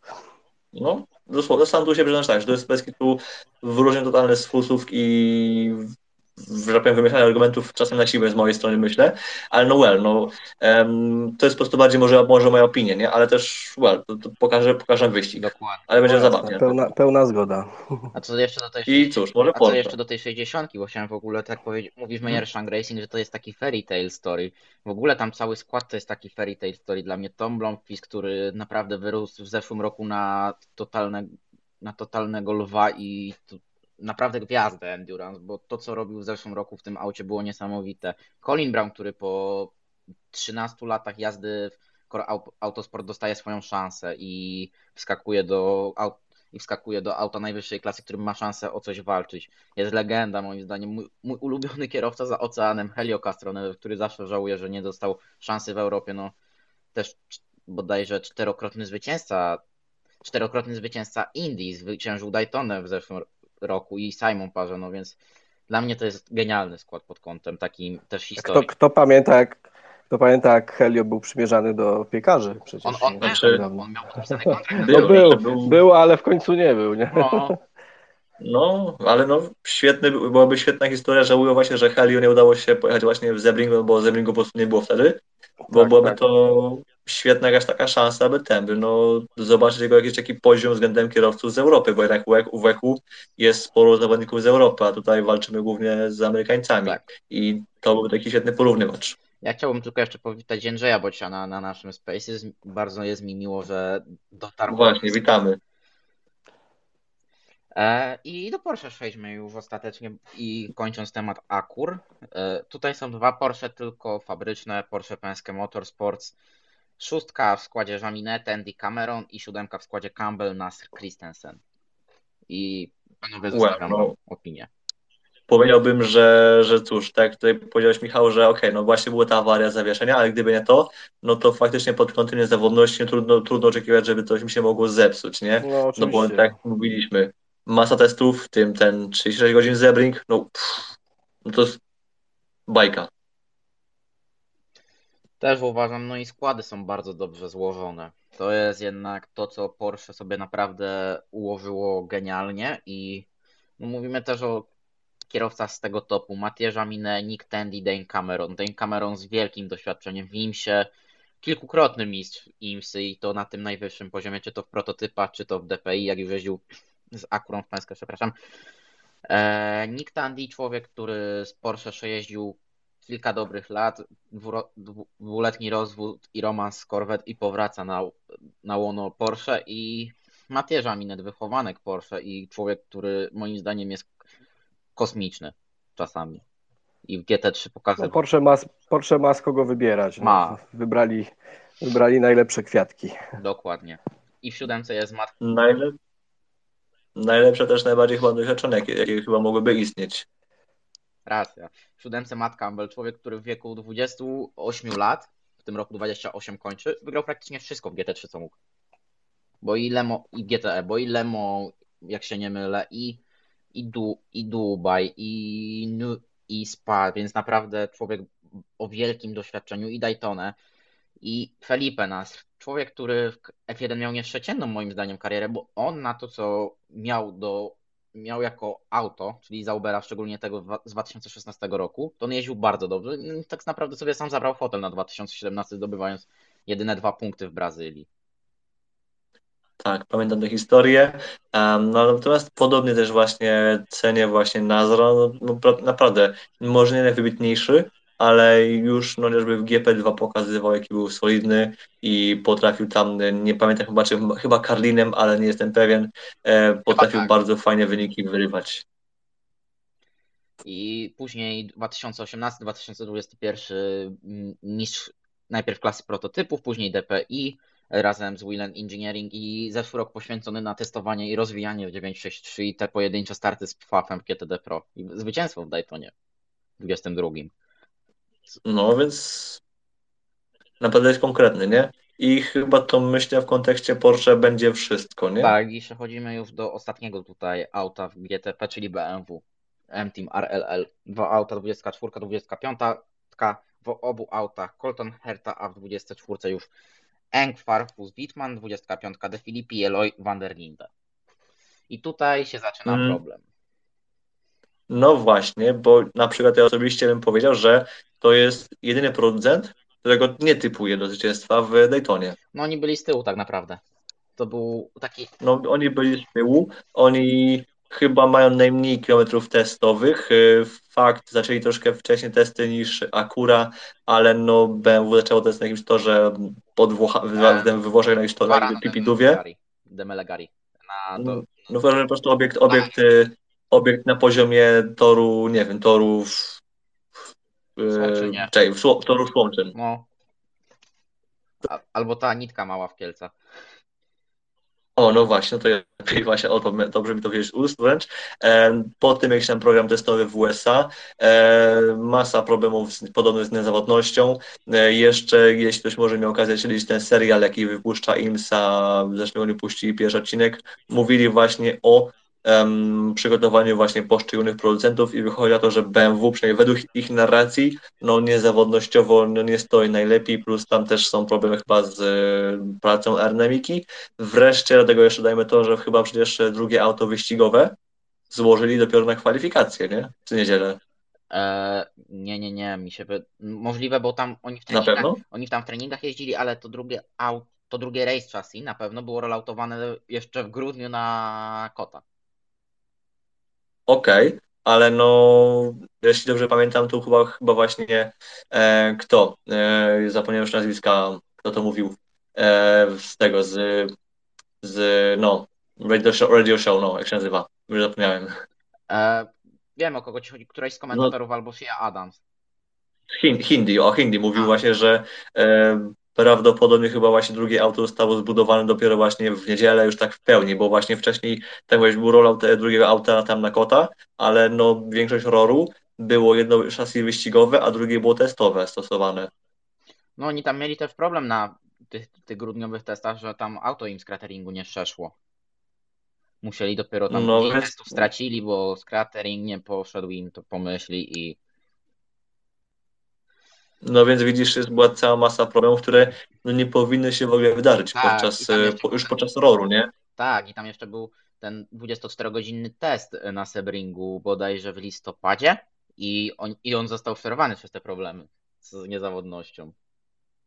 No więc no, well, e, no to BMW naprawdę nie brzmi, nie brzmi najlepiej, jeśli chodzi właśnie o przygotowanie, no bo rozumiem problemy z, testa, problemy z niezawodnością podczas swoich testów, jeszcze może podczas testów grudniowych, ale na rorze, gdzie rory jest już taką no, testem, gdzie już e, pracujesz stricte pod ustawienia na ten, na, na sam tor, gdzie już nie pracujesz jest nad testami samochodu, ponieważ no właśnie, to już, po prostu już, już jest po prostu sezon, nie? I w tym momencie już nie patrzysz na to, znaczy nie, nie powinien się skupić na tym, na, nad autem, y, nad ogółem auta niezawodności i tak dalej, bo już auto jest zahomologowane, tylko powinieneś pracować nad setupem, nad tym wyścig, nad paliwem, nad zużyciem paliwa, nad wszystkim, nad tym, co po prostu jest potrzebne do, do wygrania tego wyścigu. A oni tego nie robili. Ale mi się wydaje, że i tak jakby już mieli się kompromitować, to się skompromitują mniej niż pewien francuski producent na Moncy debiutując. Tak, e, no ale e, w każdym razie jeśli... Przynajmniej mają skrzydło z tyłu. E, Peugeot też miał e, skrzydło z tyłu w wirtualnym Le Mans ostatnio. Więc ten, Są więc, postępy. więc jest postęp, więc coś tam, coś tam się uczą. Witam Was serdecznie. Przepraszam, że dopiero tak teraz wchodzę w słowo, ale no niestety były Jasne, parę no inne rzeczy, więc musiałem swoje rzeczy zrobić. Ja tutaj tak do skoku, że tak powiem, przeszedłem i Ale cieszę się, że jesteś Jędrzej z nami, bo tak, tak. Jasne, i- i cieszę się, że No rozmawialiśmy, rozmawialiśmy. Rozmawialiśmy, rozmawialiśmy. Mam nadzieję, że to się jeszcze mogę do, do, do tego tematu, do tematów naokoło imsowych e, coś wypowiedzieć jeszcze. Będzie jeszcze, bo tutaj na pewno o czymś jeszcze wspomnimy, bo tak naprawdę omówiliśmy sobie stawkę, omówiliśmy sobie trochę ROAR, ale tak już przechodząc do samego wyścigu, wychodząc z tematu stawki i ROAR, yy, jakie są panowie wasze nastroje przed tym wyścigiem? Bojowe. Szczerze powiedziawszy, to nie mogę się doczekać ze względu na tę nową klasę. GTP to jest jednak e, coś nowego. Zastąpienie poprzedniego DPI to jest no, duży skok, jeśli chodzi o IMSA. Mm, Zważywszy na fakt, że no, aż czterech producentów mamy, nie? To tutaj trzeba jasno sobie powiedzieć, że mamy i BMW, mamy i Acurę, i mamy Cadillaca, no i mamy także Porsche, które przecież powróciło do tych najwyższej kategorii, najwyższej klasy wyścigowej, więc tutaj pod tym względem nie mogę się doczekać tej walki. Też ciekawi mnie kategoria LMP2 i LMP3, bo e, tak jak wczoraj tobie mówiłem, rozmawiałem tutaj, e, e, że PR1 Mathiasen Motorsports zawsze, zawsze było tym, na tym pierwszym miejscu, zawsze było, zawsze zdobywało to pole position, ale zawsze gdzieś to zwycięstwo uciekało. Zawsze to się coś działo po drodze, zawsze były jakieś problemy. Rok temu przecież z czego kojarzę, to tam na broju chyba bankiting. Coś było, nie pamiętam dokładnie co. E, dwa lata temu przecież też były problemy PR1. Było naprawdę wysoko, przez większość wyścigu prowadził. Mm, dokładnie i tak naprawdę moje nastroje są też, ja już się nie mogę doczekać praktycznie, bo tak naprawdę ja pamiętam jeszcze czasy, gdzie się kończyło poprzedni sezon IMSA i dopiero były te testy na Road Atlanta, te pierwsze zdjęcia takie wow, GTP na torze, a teraz już mamy to na wyciągnięcie ręki praktycznie już mamy to w sezonie, więc ja już się nie mogę doczekać e... otwarcia sezonu i ja pamiętam, ja pójdę ze wspomnieniami jeszcze dalej, pewnie to też się tyczy Was. Ja pamiętam trzy lata temu Daytona, e, dzień przed ogłoszeniem nowej, nowej kategorii w ogóle. Marshall Pruett, pamiętam, wyłamał jakiś news, że ma być coś ale konwergencja, nie? Ja wówczas myślałem, że po prostu ujednolicą nazwy klas między Wekiem a, a E, a im są na zasadzie, że, nie, że GTLM to będzie po prostu GT Pro czy coś, że tam, że będą bardziej klasy pod kątem nazewnictwa ujednolicone. Dzień później, bach, nowa w ogóle kategoria, nowa szansa dla całego, dla całych wyścigów endurance, nie? Tutaj po prostu jakiś e, mi rozwalił wówczas web, bo to jest coś, czego w ogóle nikt nie zapowiadał, czego nikt się nie spodziewał, bo wydawało się, że DPI 2.0 to będzie po prostu jakaś kontynuacja rozdziału od, od po prostu osobności od a tu się okazuje, że mam nagle kategorię, która po prostu jest, e, która się właśnie połączyła z łekiem w pewnym sensie i no kurde, ja pamiętam, że e, już wtedy się nie mogłem doczekać i teraz na ten hype mi jeszcze bardziej wystrzeliwuje. Patrząc na to, że mam jeszcze no, ja mam... producentów. Przepraszam, Michał, kontynuuj. No, to jest śmiało, śmiało. Tak, tak jak jeszcze... mówisz, kolejni, no dobra, dobra, teraz ja wszedłem słowo. To, to, już dokończę tylko myśl. Ja, ja podobnie jak Grzegorz yy, też mam takie wspomnienia i, i sprzed trzech lat i sprzed dwóch lat, jak z chłopakami zaczynaliśmy podcast, to też mówiliśmy o tej przyszłej klasie LMDH to było takich jeszcze w kategoriach trochę abstrakcyjnych, bo to były jakieś te pierwsze rysunki tego Porsche, to, to takie w sumie podobne do niczego nie było. I każdy się zastanawiał, jak to będzie wyglądało, a teraz w końcu, w końcu to mamy, w końcu się tego doczekaliśmy i mało tego. W kwalifikacjach mamy całą stawkę tego GTP mieszczącą się w 0,8 sekundy, co też jest moim zdaniem bardzo istotne, bo to czy to BMW bardzo odstaje, czy nie, to jednak mamy do czynienia jednak z, z równą tą klasą i to zapowiada naprawdę kawał dobrego ścigania. No jeszcze nadmienię fakt, że no to z tego, że to niby BMW odstaje, to wyścig 24-godzinny.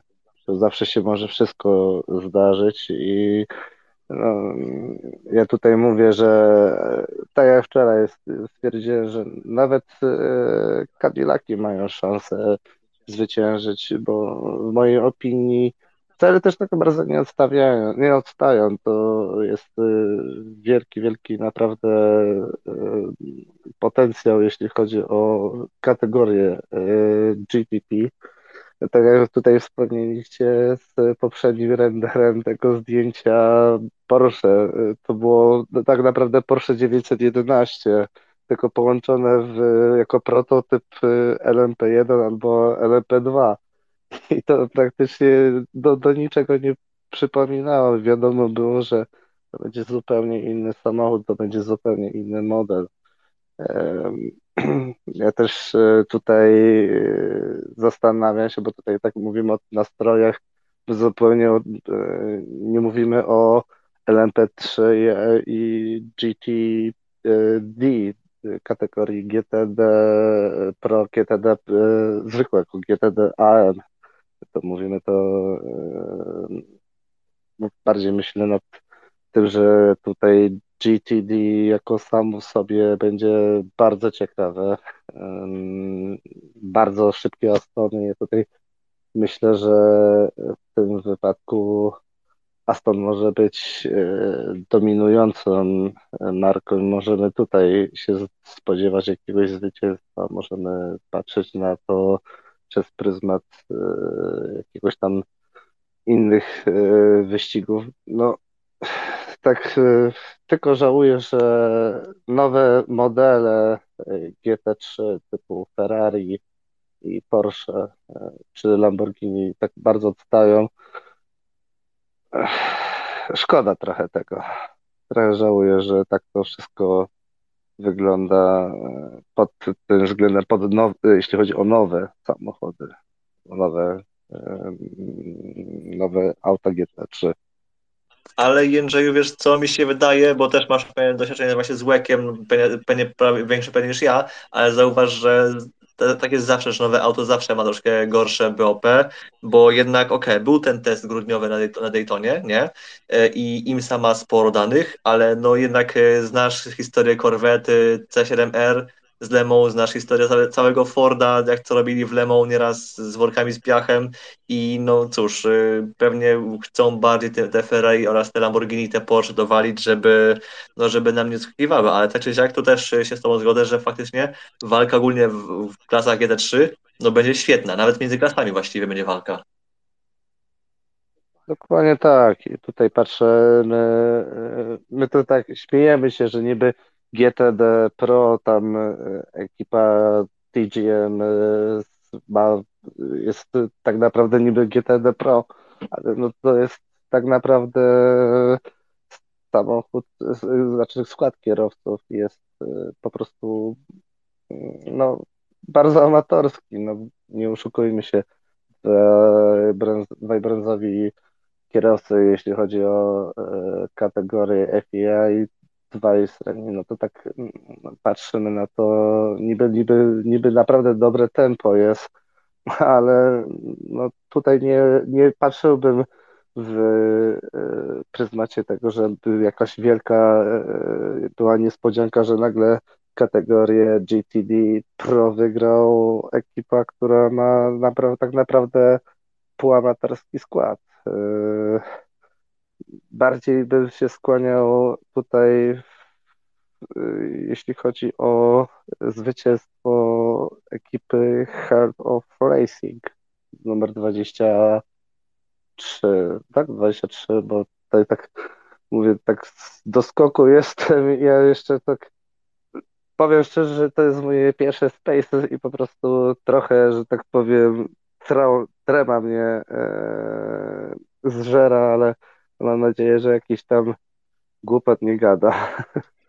Nie, bardzo, bardzo mi miło, że przyjąłeś moje zaproszenie, Jędrzeju. I tak naprawdę powie, powiedziałeś pokrótce to, co my tutaj przez te półtorej godziny omawiając stawkę, tak i ten RAR, tak fajnie powiedziałeś i tak fajnie dołączyłeś się do mojej opinii, do opinii Grzegorza, do opinii Michała, bardzo fajnie się tutaj dołączyłeś i tak mówiąc, też bardzo żałuję tak naprawdę, że Porsche, Lamborghini i Ferrari mają tu troszkę gorsze BOP, bo wypadają tak naprawdę nam jedne z lepszych załogi, czy to w GTD Pro, czy to w GTD i, i szkoda naprawdę, że będą z tyłu, ale mam nadzieję, że jednak troszkę to tempo wyścigowe jeszcze doskoczy. Też miejmy taką nadzieję. No, patrząc na te Porsche z tyłu, tak czuję się, czuję się trochę nieswojo, bo to jednak Porsche zawsze było tam z przodu, zawsze się tam e, znajdowało na, e, no jeżeli nie na pierwszym, to zawsze w tej topce, tej top, top 3, a tutaj ogon stawki to jest raczej e, prawie pewne, więcej niż pewne. Mm, tak jeszcze tak przeanalizowałem resztę, to tutaj tak mówimy o o tym, o tym e, Porsche, o tym Lamborghini, ale też e, Ferrari tak jednak nie zachwyciło. Tutaj e, słyszałem, że by, znaczy no słyszałem, no, widziałem opinię, że Ferrari może być naprawdę bardzo dobre na tym tegorocznym Rolexie, ale Tak też podejrzewałem, że aż tak e, kolorowo nie będzie, tak jak tutaj Grzegorz powiedział, e, te nowe modele też przecież e, w kategorii GT Le Mans, czy to Fordy, czy to Corvette, czy to no zresztą Corvette, Corvette e, C8R, przecież pamiętajmy, pamiętajmy, że ona też nie miała początkowo łatwego życia, przecież z czego kojarzę, to nawet chyba nie e, ukończyli na podium e, no, w debiucie Rolex 24. e, Coś tam kojarzę, że tak było, że Corvette chyba nie była na nawet na w top 3. Em, zaraz to sprawdzę, bo zaciekawiłeś mnie ty, a że szczerze nie pamiętam, to powiem zaraz. E, W międzyczasie, w sumie, czy jeszcze jakiś temat byśmy planowali, taki może jakieś coś już na bardziej na zakończenie? Właśnie tak już, tak już końcowi się mierzymy, bo tak naprawdę już powiedzieliśmy o tym nastrojach naszych. I tak myślałem, żeby przejść już do takiego bli- bliżej zakończenia, czyli tak powiedzieć faworytów naszych. I, Hmm. za, No zacznę od ciebie, Grzegorzu. Czy masz takiego jasnego faworyta? Faworytu? Jeśli chodzi o GTP, no to ja jednak jestem e, team Porsche, a jeśli nie Porsche, to będzie to Wayne Taylor. Okej, w LMP2. W LMP2 moje serce idzie troszkę strzał na ślepo, ale Pierre Mathiasen. Okej, e, LMP3. Chociaż wiem, że nie lubisz W tej LMP3. kategorii. Ta klasa dla mnie nie istnieje, ale jednak Sean Creech. Okej, e, GTD Pro. W GTD Pro obstawiam. e, Dobra, nie będzie na ślepo. Chociaż Faf, jednak Faf. Okej, ciekawe. Chociaż nie, nie, sorry, sorry, wycofuję, wycofuję się z Fafa, bo przez sekundę zapomniałem, jak, jaka jest forma Porsche. E, W takim razie muszę obstawić, no chyba nie ma innego wyjścia jak Heart of Racing Team Aston Martin. Okej, i GT Daytona na koniec. Zwykłe GTD, to zielone. GT Daytona zwykła, no to u Jezu, no tu, no tu naprawdę ciężko będzie wybrać, ale szybko też e, losujemy na szybkości. E, Jestem w stanie już, już, już, już, już, coś, już coś wymyślam. E, o Jezu, no to, to, to jest zbyt... Trudno się To jest zbyt zła klasa. Wiem, Chetidar. 24 Chetidar. auta. Okej, Chetilar, ciekawy wybór. Do ciebie, Jędrzej, już przejdziemy teraz i tak samo jak w wypadku Grzegorza. Zaczniemy od GTP. No, jeśli chodzi o GTP, mhm. E, serce mówi, znaczy no serce, raczej rozsądek mówi, że tutaj może być e, różne przetestowania, mogą być różne przetestowania, ale obstawiam albo Porsche, albo Acura. E, Myślę, że albo Meyer Shank Racing 60 albo e, jeden z Cadillaców Chicago. Okej. LMP2. No, e, e, I tutaj też bym powiedział, że serce mi mówi PR1 Mathiasen Motorsports, ale no jednak zbyt dużo oglądam Rolexa, żeby e, no, obstawić, e, e, obstawić właśnie na, e, na ten prototyp. E, Myślę, że to może być jeden z e, zespołów. e, Kogo tutaj teraz tak na szybko podać? TDS Racing, niech będzie TDS albo 11, albo 35, bo tutaj Składy są równe. Wiem o co chodzi. są składy równe. E. Ale jednak ten, jednak ten Ben Keating to jest jednak e, no, kawał gościa. No, Ben Keating, tak. E, LMP3. E, jeden z liżierów, powiem tylko tak. Okej. E, GTD Pro. Mm, tutaj obstawię to samo co Grzegorz. To będzie. Heart of Racing. Heart of Racing, tak. E. E, bo- no. I GT Daytona. No i tutaj też e, dosyć e, duża rozbieżność. e, Się zastanawiam. E, A, obstawię. Magnus Racing, niech będzie. Oni mają ten plus, że startują, że wysta wystawili Johna Pottera do e, kwalifikacji, więc on e, i oni mają ten plus, że mogą sobie wymienić komplet opon Na świeże. na świeży. Dokładnie. No i dlatego, dlatego ich obstawiam. Może mam nadzieję, że oni naprawdę zaprezentują równe tempo, tym bardziej, że naprawdę bardzo dobre e, mieli e, czasy na roar, bardzo równie no, jeździli. No i to tyle. Okej, to przejdę do ostatniego z dzisiejszych gości. Michał. No to tak, z mojej strony chyba serduszko jednak najbardziej po stronie Porsche, jeśli chodzi o GTP. E, Która załoga, to no nie ośmielę się wytypować. E, Jak nie Porsche, to obstawiałbym Cadillaca jedynkę z, e, Burde z Van der Zanden Chipa. Tak jest. Jeżeli nie Porsche, to myślę, że oni. E, LMP2, no chciałbym bardzo mm, Bena widzieć na pierwszym miejscu. PR1 Matthysen. E, Jak nie oni, to może AF Corse. Przewrotnie powiem. W, LM, w LMP3 kurczę, chyba się nie odważę wytypować nikiego, no, nikogo. No, fajnie byłoby zobaczyć któryś z chłopaków, którzy mieli epizod u piekarzy. O, tak powiem. Czyli To tak Sonkrit choć- 33 albo MRS GT Racing 43. Tak, tak, dokładnie. Eee, A jeśli chodzi o GTD, no niestety ja nie mam takiej bogatej wiedzy na temat kierowców GT jak wy, więc e, powiem przewrotnie, że w jednej i drugiej klasie coś z silnikiem Mercedesa, ale niekoniecznie Mercedes. Okej, czyli Mercedes, al- czyli Astony. Czyli tutaj Tak, GT tak. Daytona Pro mamy Heart of Racing 23, no i TGM. TGM gdyby wygrał albo stanął na podium, to by, było, to by była niesamowita historia, ale to tam, jak już wspominaliśmy wielokrotnie dzisiaj, czy to ja, czy to Grzegorz, czy to Jędrzej, tam dwóch brązów i dwóch silverów jest niestety. A, a, a, GT Daytona zwykłym mamy Heart of Racing 27 lub Magnus 44. Tak, tak. Albo Mercedes, po Albo prostu Mercedes, Mercedes. Coś, tak. coś, z coś z silnikiem Ale Mercedesa. nie musi to być koniecznie Jeśli mam Mercedes. obstawiać. No to Dokładnie. ja tak. przejdę już na koniec jako Jeszcze tylko tak przejdę, że tak przerwę. e, WeatherTech Racing jeszcze jest z GTD Pro. A, tak, e, masz z- rację, z Mercedesu. Tylko, że tam jest też Cooper McNeil Ostatni, i tam Po też raz, jest, po raz ostatni. Tak, po raz ostatni, e, no jako kierowcę, no był jaki był, e, no ale naprawdę trzeba, Przynajmniej.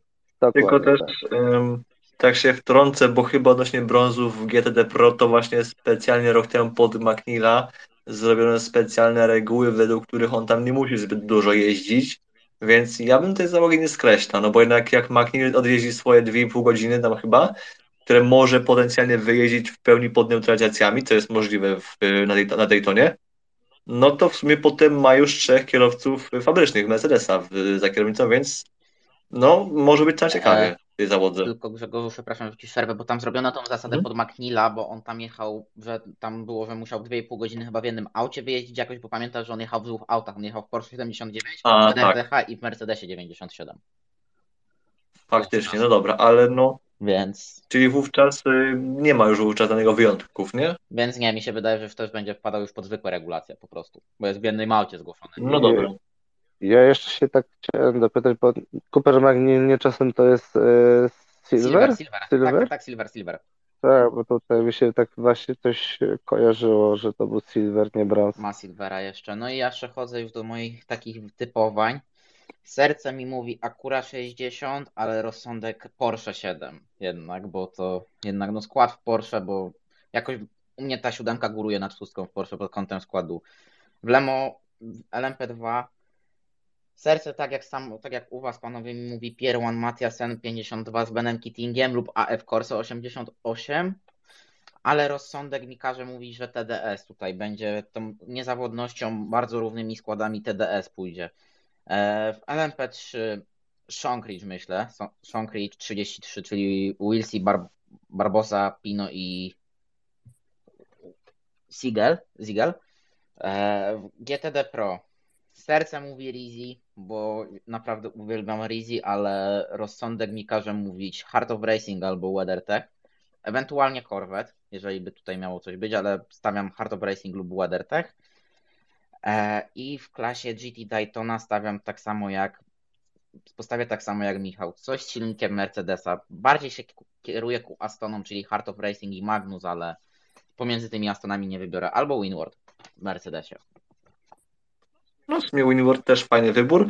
E, troszkę nie breaking news, bo już sprzed półtorej godziny, ale Sports Car 365 mówi, że potencjalna decyzja odnośnie obecności Akury, a właściwie Hondy w WEC-u miałaby już być e, decyzją centrali w Japonii. Nie HPD, nie Akury w USA, tylko już centrali z Japonii. A to już widziałem się Spaces naszym też.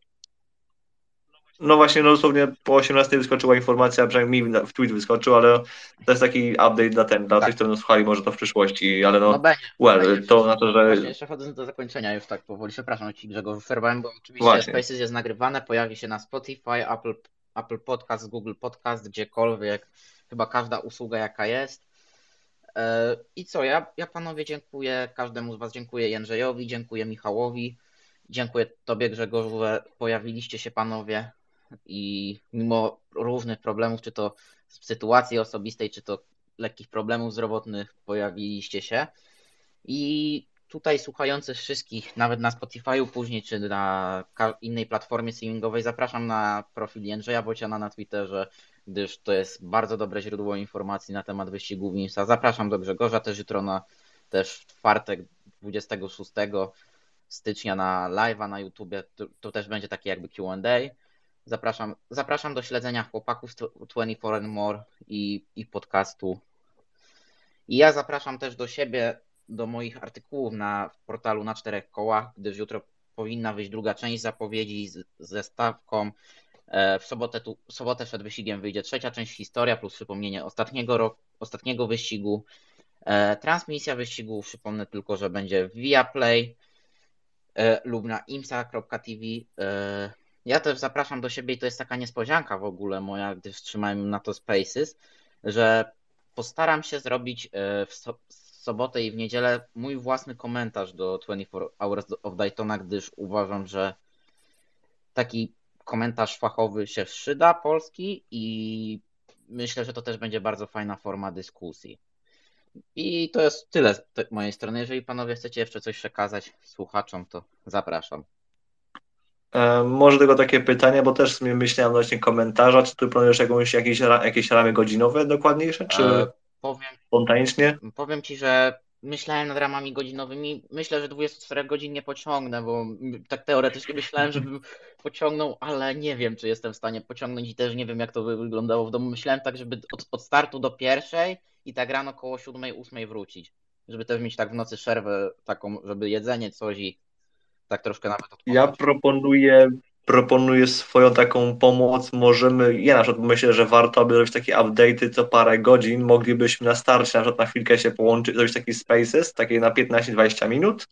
Potem rano koło tej 7, 8, drugie spaces, koło 12 jeszcze jedno i coś tam przed finiszem, po finiszu, taka jest moja propozycja, ale to już to jest oczywiście twój plan, więc ja tutaj tobie nie ingeruję. Okej, okay, możemy jakoś, spróbuję to z OBS-em Spaces połączyć, bo ja myślałem o transmisji na YouTube, ale spróbuję jakoś to Spaces, zobaczę jak to będzie wyglądało, będę testował w piątek, jak mi OBS to pociągnie i zobaczymy, bo taki nawet komentarz na godzinkę, półtorej, co kilka godzin będzie też bardzo przyjemny, żeby też tak okiem, nie tylko moim było. Więc ja, ja, ja jestem bardzo przystaję na tą propozycję, ale to też jest jeszcze do, do gadania w późniejszym terminie. Dobrze, to myślę, że chyba to będzie wszystko. Tak, już, nie? No... myślę, że to już wszystko, bo ja wszystkie punkty mam wypełnione z, mojego, z mojej agendy. No też, no ewentualnie może jeszcze zapytamy, czy może chłopaki tu planują jakieś, ktoś planuje jakieś artykuły, jakieś podcasty wypuszczać jeszcze przed, przed samą Daytona, bo już po niej? Czy może Jędrzej coś masz jakiś specjal, specjalny ten na, na Daytonę do wypuszczenia? Znaczy, na pewno będę robił e, zapowiedź Daytona, właśnie się będę zaraz zabierał, będę też kontynuował te moje, e, w cudzysłowie oczywiście, zabawy z przestawieniem gridu. Tam, jak tam zapewne widzieliście, tam zacząłem stawiasz ten stawki ten na Tak, to jest chyba też GTD, twoja nawet tradycja, bo chyba to zwykle, przed, właściwie często to robisz, przed chyba prawie każdą rundą wręcz. Każda runda, każda runda, każda runda, no, człowiek jak ma jakąś frajdę z tego i człowiek jak ma jakąś pasję, to się tym zawsze będzie zajmować i no nikt, nic go nie odciągnie, dlatego też e, zawsze to robię, to nie ma e, dla mnie jakiegoś takiego większego problemu. Em, Ja z mojej strony to no, można powiedzieć tyle. No, na pewno będę pisał jakieś zapowiedzi, e, na pewno też coś od siebie też dodam. Zobaczymy. Jasne, ja tutaj może tak się nie pochwalę, po prostu nie, to nie jest reklama pochwalenia się, że po prostu jutro rano puszczam e, też zapowiedź, a z kolei w piątek i sobotę będzie historia kole, z kolei e, M6 GT3 BMW oraz Z4 GT3. Kolejna w piątek i sobotę. Coś tam fajnego mi się udało zlepić. e, Może to myślę, że będzie też wszystko z mojej strony już na dzisiaj. Michał, masz jeszcze coś? Jeszcze tylko dodam? Żeby, ja- że... A, dobra, dobra, to najpierw niech Michał dopowie, a ja potem coś Ja się boję deklarować, ale prawdopodobnie z naszej strony wpadnie podcast po Daytonie. O, super. Choć wiecie, wiecie, wiecie, jak to jest z regularnością z naszej strony, ale A, rozmawialiśmy wczoraj na ten temat. Super, że i tak w ogóle jest i jest taka inicjatywa na tej polskiej scenie Tak, tak, naszej no. małej. Chcemy się zmobilizować w tym sezonie, żeby to wyglądało tak jak należy. To jeszcze Jędrzejowi oddaję na koniec głos. Mm, A ja wszystkim zebranym i tym, którzy będą oglądali, słuchali w sumie to na Spotify, czy to na Apple, czy to gdzie indziej, życzę wszystkim miłego wyścigu 24-godzinnego na torze Daytona. Oglądali oczywiście, bo to jeżdżenia to może być ciężko. Właśnie, o, bo, też może słówko o transmisji, tylko tak dosłownie słówko, nie? Oficjalnie Viaplay. Tak. ale nieoficjalnie. No, tu już sam nie powiem, ale myślę, że kto ma VPN-a i internet, ten myślę, że wie, co tu można zrobić. Dokładnie jest. Mm, Praktycznie oficjalna strona podaje. Ale to już Tak. Więc jakby nie robię niczego zabronionego w tym momencie. dokładnie tak. Nie będę robił już kryptoreklamy żadnym VPN-om, bo Wystarczy na przykład taka z, czerwoną, z czerwonym kółeczkiem właściwie. A to powiem ci, że nie wiem, bo ja korzystałem z innych usług, a też mam w antywirusie, więc jeszcze takie, ale zobaczymy z czego będzie A to się, oglądał. e, tak, dla nic trudnego. Tak, dokładnie. To ja też życzę wszystkim, wszystkim i, i wam panowie i słuchającym, czy to teraz, czy to z odsłuchu na Spotify'u, Apple Podcast, miłego wyścigu. Ja dziękuję bardzo za przyjęcie zaproszenia wszystkim z was. Dziękuję za te prawie dwie godziny rozmowy o naprawdę wybitnym wyścigu, jakim jest Daytona. No to, to na dzisiaj tyle z mojej strony. Jeszcze raz dziękuję bardzo. Udanego wieczoru. Życzę Dzięki. miłego wyścigu. Cześć. Dzięki, do usłyszenia. Dzięki, do usłyszenia. Cześć. Widzenia.